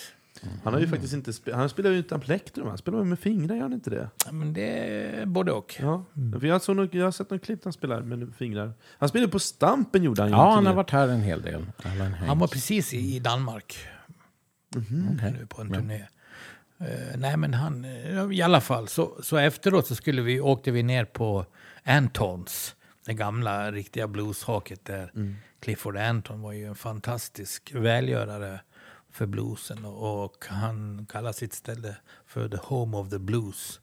Och där fick eh, bluesartister bo eh, som han tog hand om idag i 14 dagar så hade de ett antal gigs och han pröjsade dem riktigt bra och spelade mest för vitingar då, unga Texas studenter och T-Birds och Steve Ray Vaughan och allihop växte ju upp där. Ja, Precis. Men, men den här kvällen så hade han release på sin platta och vi var där. Och jag och Åman stod och tog några drinkar och, och diggade. Eh, Han slutade med sån här tour de force när han gick ut. Först så körde de ju boogie-woogie på scenen, snabb, snabb shuffle. Så går han ut och kör själv. Helt akustiskt i publiken och alla håller käften. Och det är hur bra som helst. Och sen efteråt så går vi in backstage och hälsa på Kim och sådär. Vad fan, oh, vad bra sådär. Fan, Sky High, vad fan, jag ska ju åka upp och jamma med er nu. Han skulle upp till oss, vet du. Vad hade de bestämt? Ja, så då var det. Men eh, sen så har vi ju haft honom i Falun på våran blå tisdag där. Oj. Eh, och eh, även spelat ihop i Vänersborg en gång. Och eh, det var jättekul. Då kom han in och då var, började vi på att bli riktigt tjenis sådär. Så när jag skickade över eh, förfrågan om, om vi fick köra min text och sa ja för fan gör vad ni vill. Det är skit. Jag gillar ju er, du vet. Så det var väldigt lätt. Vad fint. Och sen hörde jag ju T-Birds ganska tidigt när, när Jimmy Vaughan var med. Eh, Det måste ha varit, ja, någon gång 84 kanske. Uppe i Strömstad. Det var jäkligt bra alltså. Jimmy Vaughan är ju en eh, gammal favorit. Ja, visst. Alltså. Han har ju en uh, gitarrteknik som skulle få vilken uh, kommunala musikskolan lärare som helst att, att skrika i högan sky. Ligga och spinna i. Kör liksom med två fingrar och capo. Men jävlar vad han lirar. Ja, alltså. visst alltså. Shit, jag fick se honom på någon sån litet tak när jag var i, i Austin alltså. Det är Mm. spe- speciellt att se honom spela. Alltså. Det är, han har en väldigt speciell gitarrstil. Ja. Han, det, coolt, det känns, han har verkligen förändrats också. Han spelar mindre och mindre ju äldre han blir. Så, här, och det känns som att han verkligen ändrat sin, eh, sitt sätt att spela gitarr på. Om man jämför med, det det kanske inte är så konstigt, men jag tycker det verkligen är natt och dag gentemot hur han spelar med T-Birds gentemot hur han spelar nu. Så jag, jag tycker det är Ja, jätteinspirerande. jag tycker det är på samma. Ja, tycker du? Ja, jag tycker det. Jag tycker det. Han har Du menar att hållit- spelar mer noter liksom, Nej, nej, alltså, han spelar, ja, ja, precis. Han spelar Ja. lite snabbare, men han spelar Ja. lite mer laid back. Och det, är lite, det påminner lite mer om, eh, vad heter det, Johnny Guitar Watson. Watson. Ja, Lite mer, Ja, ja, kan man säga. Det är väl en av hans största förebilder. jo. Absolut. Absolut. Alltså, man lyssnar på gamla plattor. Fy fan, hur bra är det? Alltså? Ja, är hur bra Och det helst. soundet också. Visst. Ja, det är galet. Det är galet. Nu blir man sugen att lyssna på lite gamla Johnny Guitar Ja, Watson. ska, vi, ska visst. vi ha en timme till med podd och bara lyssna på Vi kör Johnny bara Guitar godis. Watson? Ja, fan vad härligt. Nej, men i alla fall. dricka vin och prata skit. Vilken, vilken höjdare Jimmy Vaughan. Ja, ja. Ja, vad kul. Eh, det där var alltså sista smakprovet från den här skivan. Vi ska då rekommendera den till alla våra lyssnare. Det är alltså Claes Yngströms Blue Devils Ja. och Djävulskap. Ja. Hur får man tag i den här plattan, Claes? Bra fråga. Du vet, eh, jag skickade ju ett paket ner till Border här för en månad sedan och det har kommit på avvägar, tyvärr. Men eh, jag ska skicka ett nytt imorgon. Jag är så dålig på sånt där. Jag hade skickat till fel utlämning och de kan inte hämta det och det är massa... Jag Vi är, förstår. vet, Postnord. Men den finns att beställa på eh, Ginsa och på CD-ON. Och man kan också gå in eh, på Facebook. Jag, har gjort, jag skickar ut själv hemifrån. Jag har lite sån här pappslöjd en dag i veckan. Men, eh, då, då kanske, men beställ den direkt från Klas så får du några extra kronor. Det, det, vi, vi är tacksamma, det, vet, det kostar ju Mm. en slant. Jo tack. Så att om- om man köper skivan så stödjer man ju musiken. Eh, Det, det, jag tror den här är uppe i ja, 100 130 000. Oh shit. Ja. Ja. Och det är ett häftigt omslag ska vi Ja, säga. det är fint. Ja, det är, väldigt vi är väldigt vi är nöjda. Vi, alltså, vi är nöjda. Jag pratar med Åman. Han är aldrig nöjd. Han tycker alltid det finns grejer. Men han säger jag är så jävla nöjd med den här skivan. Han sitter och, spelar den varje dag. Och så säljer han till kompisar. Det Ja, tickar kul. in. Vet Ja, kul. Ja, är kul. Ja, då hör ni eh, alla våra lyssnare att här får ni gå in och beställa direkt av Claes Yngström. får ni gärna. Eh, som ni hittar. Vi eh, lägger ut länken såklart Ja. på våra sociala medier. Ja, Eh, vi har nämnt det mesta om plattan, vilka som spelar, producerad av basisten, eller hur? Ja, det kan man absolut Robert säga. Ivansson. Absolut. Eh, skivomslaget då som vi har berömt, är det någon du vet så här på rak arm vem det är? Ja, oh ja, det är ju en, en gammal vän till min dotter, konstnären. Och han är också konstnär. Han heter Martin Ander och hans, eh, hans namn, artistnamn eller vad man ska kalla det, hans bolag, det är Mander. Mander.se. Han är väldigt, väldigt eh, bra. Ja, Nej, skitsnyggt. Och eh, den är inspelad var då? Den är inspelad i Omnivox i Borlänge, i Halvarsgårdarna. Ja, men är inte det ni som är ombyggd kyrka? Jo, Ja. en frikyrka. Ja, Den är, det är full takhöjd där och det är gamla grejer. Man kan spela in helt analogt. Jag tror vi ska göra det, Sky High faktiskt. Det tycker jag. Ja, vi ska köra Boulange, höll jag på att säga. Ja, ja, ja, Vad härligt. Och eh, ska det turneras något kring den? här? absolut. Och nu har ju inte jag alla dagar, men vi kommer att spela lite här och där. Vi ska till Gotland eh, nästa vecka. Spela på Munken. Munken? Ja, Ja. för Roxy. Men eh, man kanske kan gå in på en Ja. eh, så kallad hemsida eller något? Ja, absolut. Och se alla dagar. Bluedevils.se. Man. bluedevils.se. Där finns gigsen. Och även på Fejan förstås. Mhm. Facebook. Och så vidare. Instagram och ja. Ja. Där, där eh, plattformar där det finns helt enkelt. Ja. Ja. Men, men eh, välkomna på giggen. Det är ju det, är det som är grejen för Såklart. oss. Ja, ni har ju haft ett eh, releaseparty här i Stockholm. Ja. ja. Ja, det var kul. Som jag inte hade möjlighet att gå på. Men jag får ta mig någon annanstans. Ja, men så där är det ju. Vet Så är det, Man, så är det. har, man har ju många saker man ska göra. Jo, det ska Så spelas och jävlas. Ja. Exakt. Jag, eh, vad, nu dök det upp, du sa att Sky High var funktionsmusik. Sa du i Rockpodden. Tycker du, vilket tycker du är mest funktionsmusik? Sky High eller Blue Devils? Ja, men, ja, men alltså, Vad, vad, vad lägger vi in i det? nej, men, nej, men alltså, jag vet inte vad jag hittar på för Ja, några konstiga jämför, ord. Du jämför det med dansband. Ja, men på sätt och vis. Alltså, det är ju en...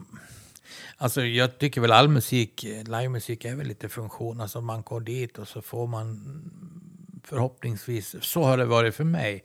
Det har tagit mig genom eh, ibland svåra stadier i livet. Alltså när man har varit deppad eller nere på ett eller annat sätt. Eller eh, haft någon typ av...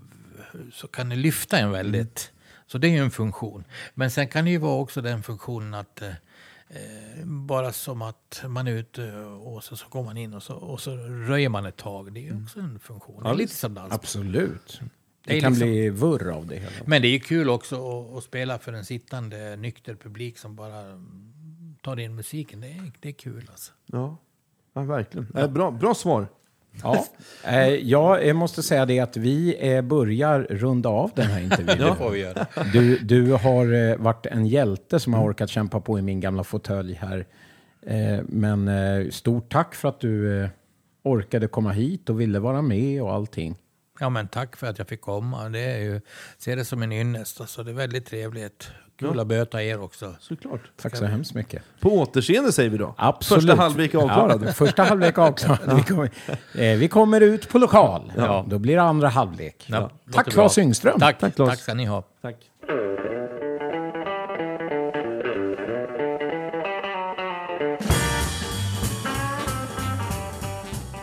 Då är det dags för Bluespodden tipsa. Klas har precis gått här. Ja. Eh, han fick smaka lite labradorvin, du fick näsblod.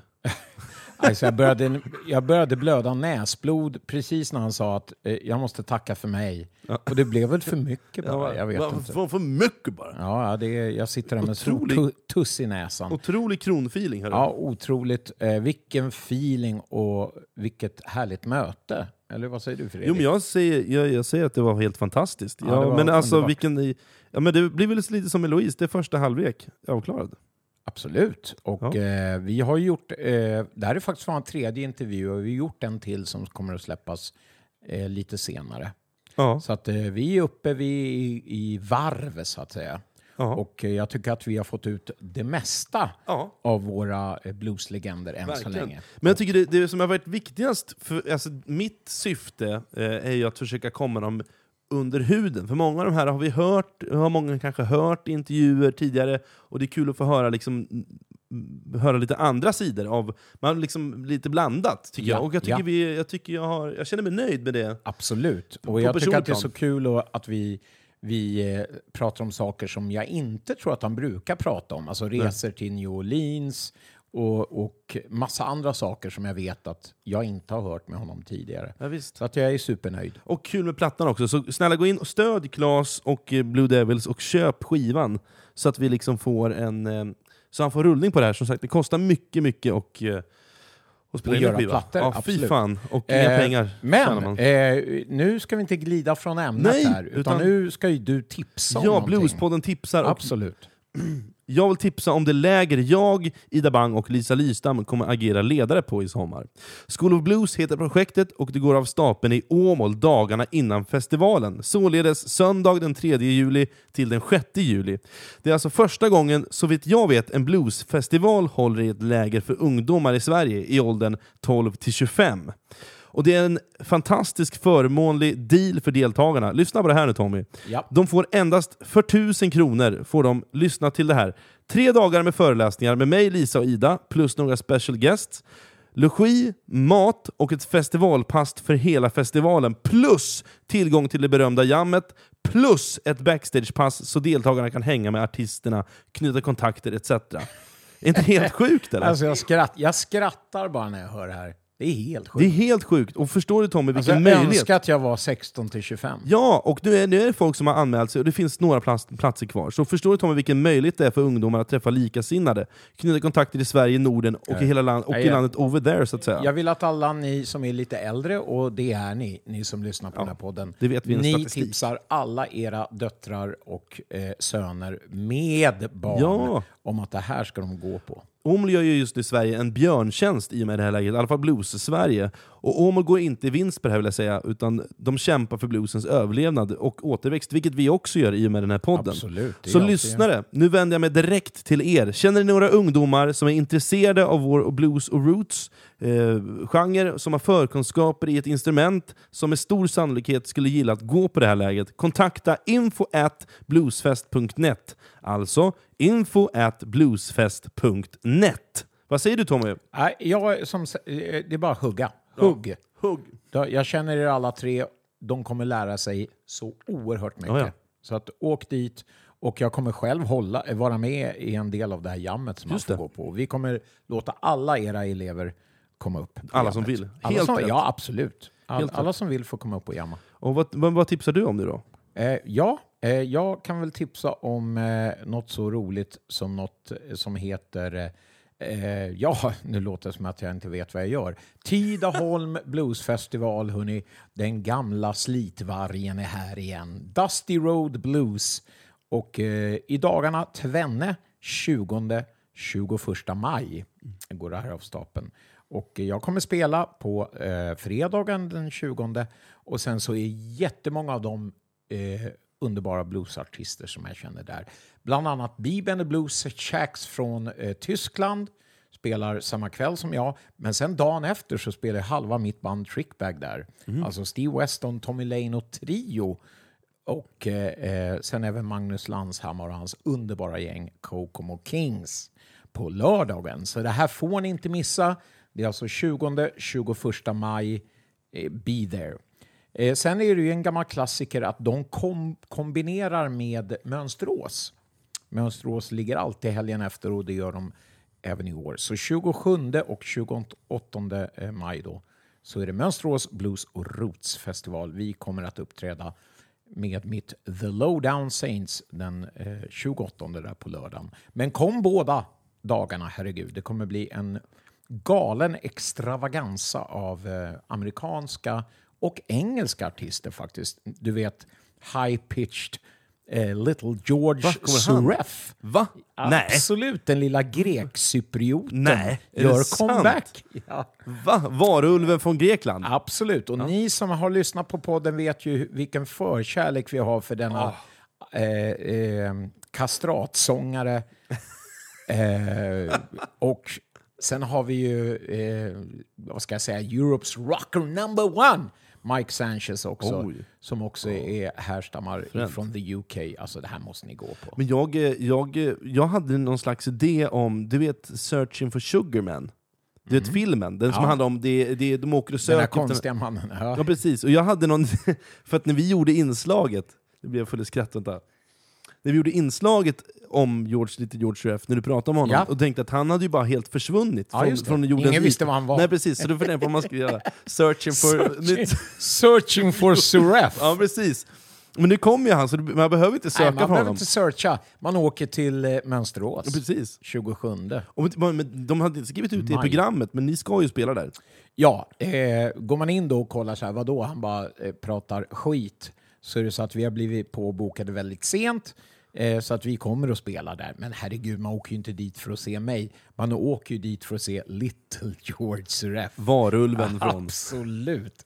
Och Mike Sanchez. Vilka två grymma eh, artister. det här jag kan jag. inte nog eh, rekommendera. Mönsterås Blues och Roots Festival 27-28 maj. Glöm då inte Tidaholm helgen innan. Tack för mig. Men är det verkligen den 27 och 28? Är inte det typ en eh, lördag-söndag? Nej, 28, 27 och 28 är en fredag och en lördag Ja, i maj.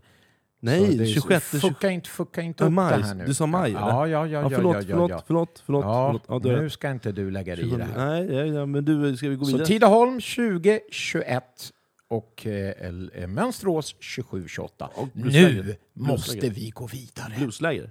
Tack Och anmäl till blueslägret. Hej! An-! Ja!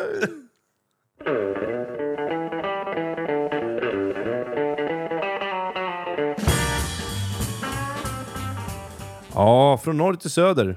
Vi är framme. Absolut. Vårt Eh, äldsta, mest hyllade segment kanske. ja, vad kul. Och, eh, ja, och den här gången vi får tacka Claes för en väldigt, väldigt trevlig pratstund återigen. Och, Ja, det var underbart. Eh, och- jag, jag har knappt hämtat mig Nej, inte- Jag sitter här med nästussar och vet inte vad jag ska göra. Precis.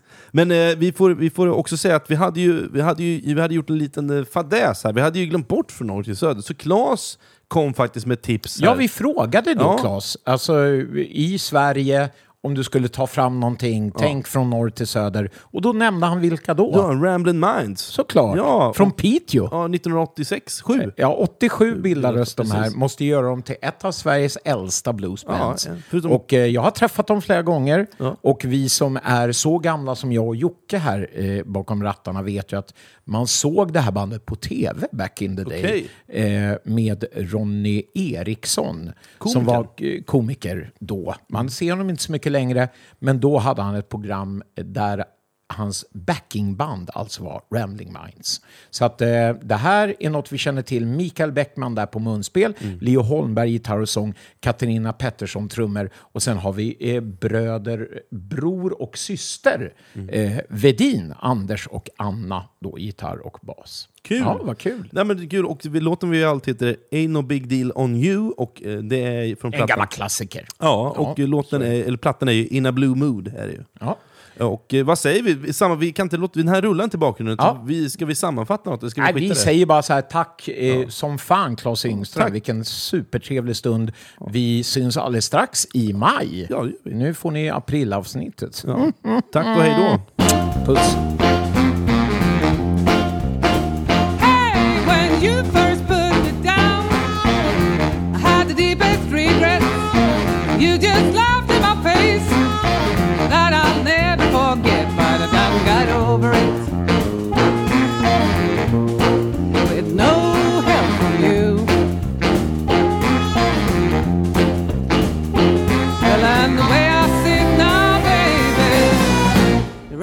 big deal on you.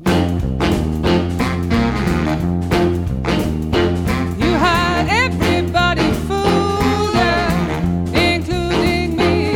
I was so blind with love for you, baby, that I couldn't see. I done got over it.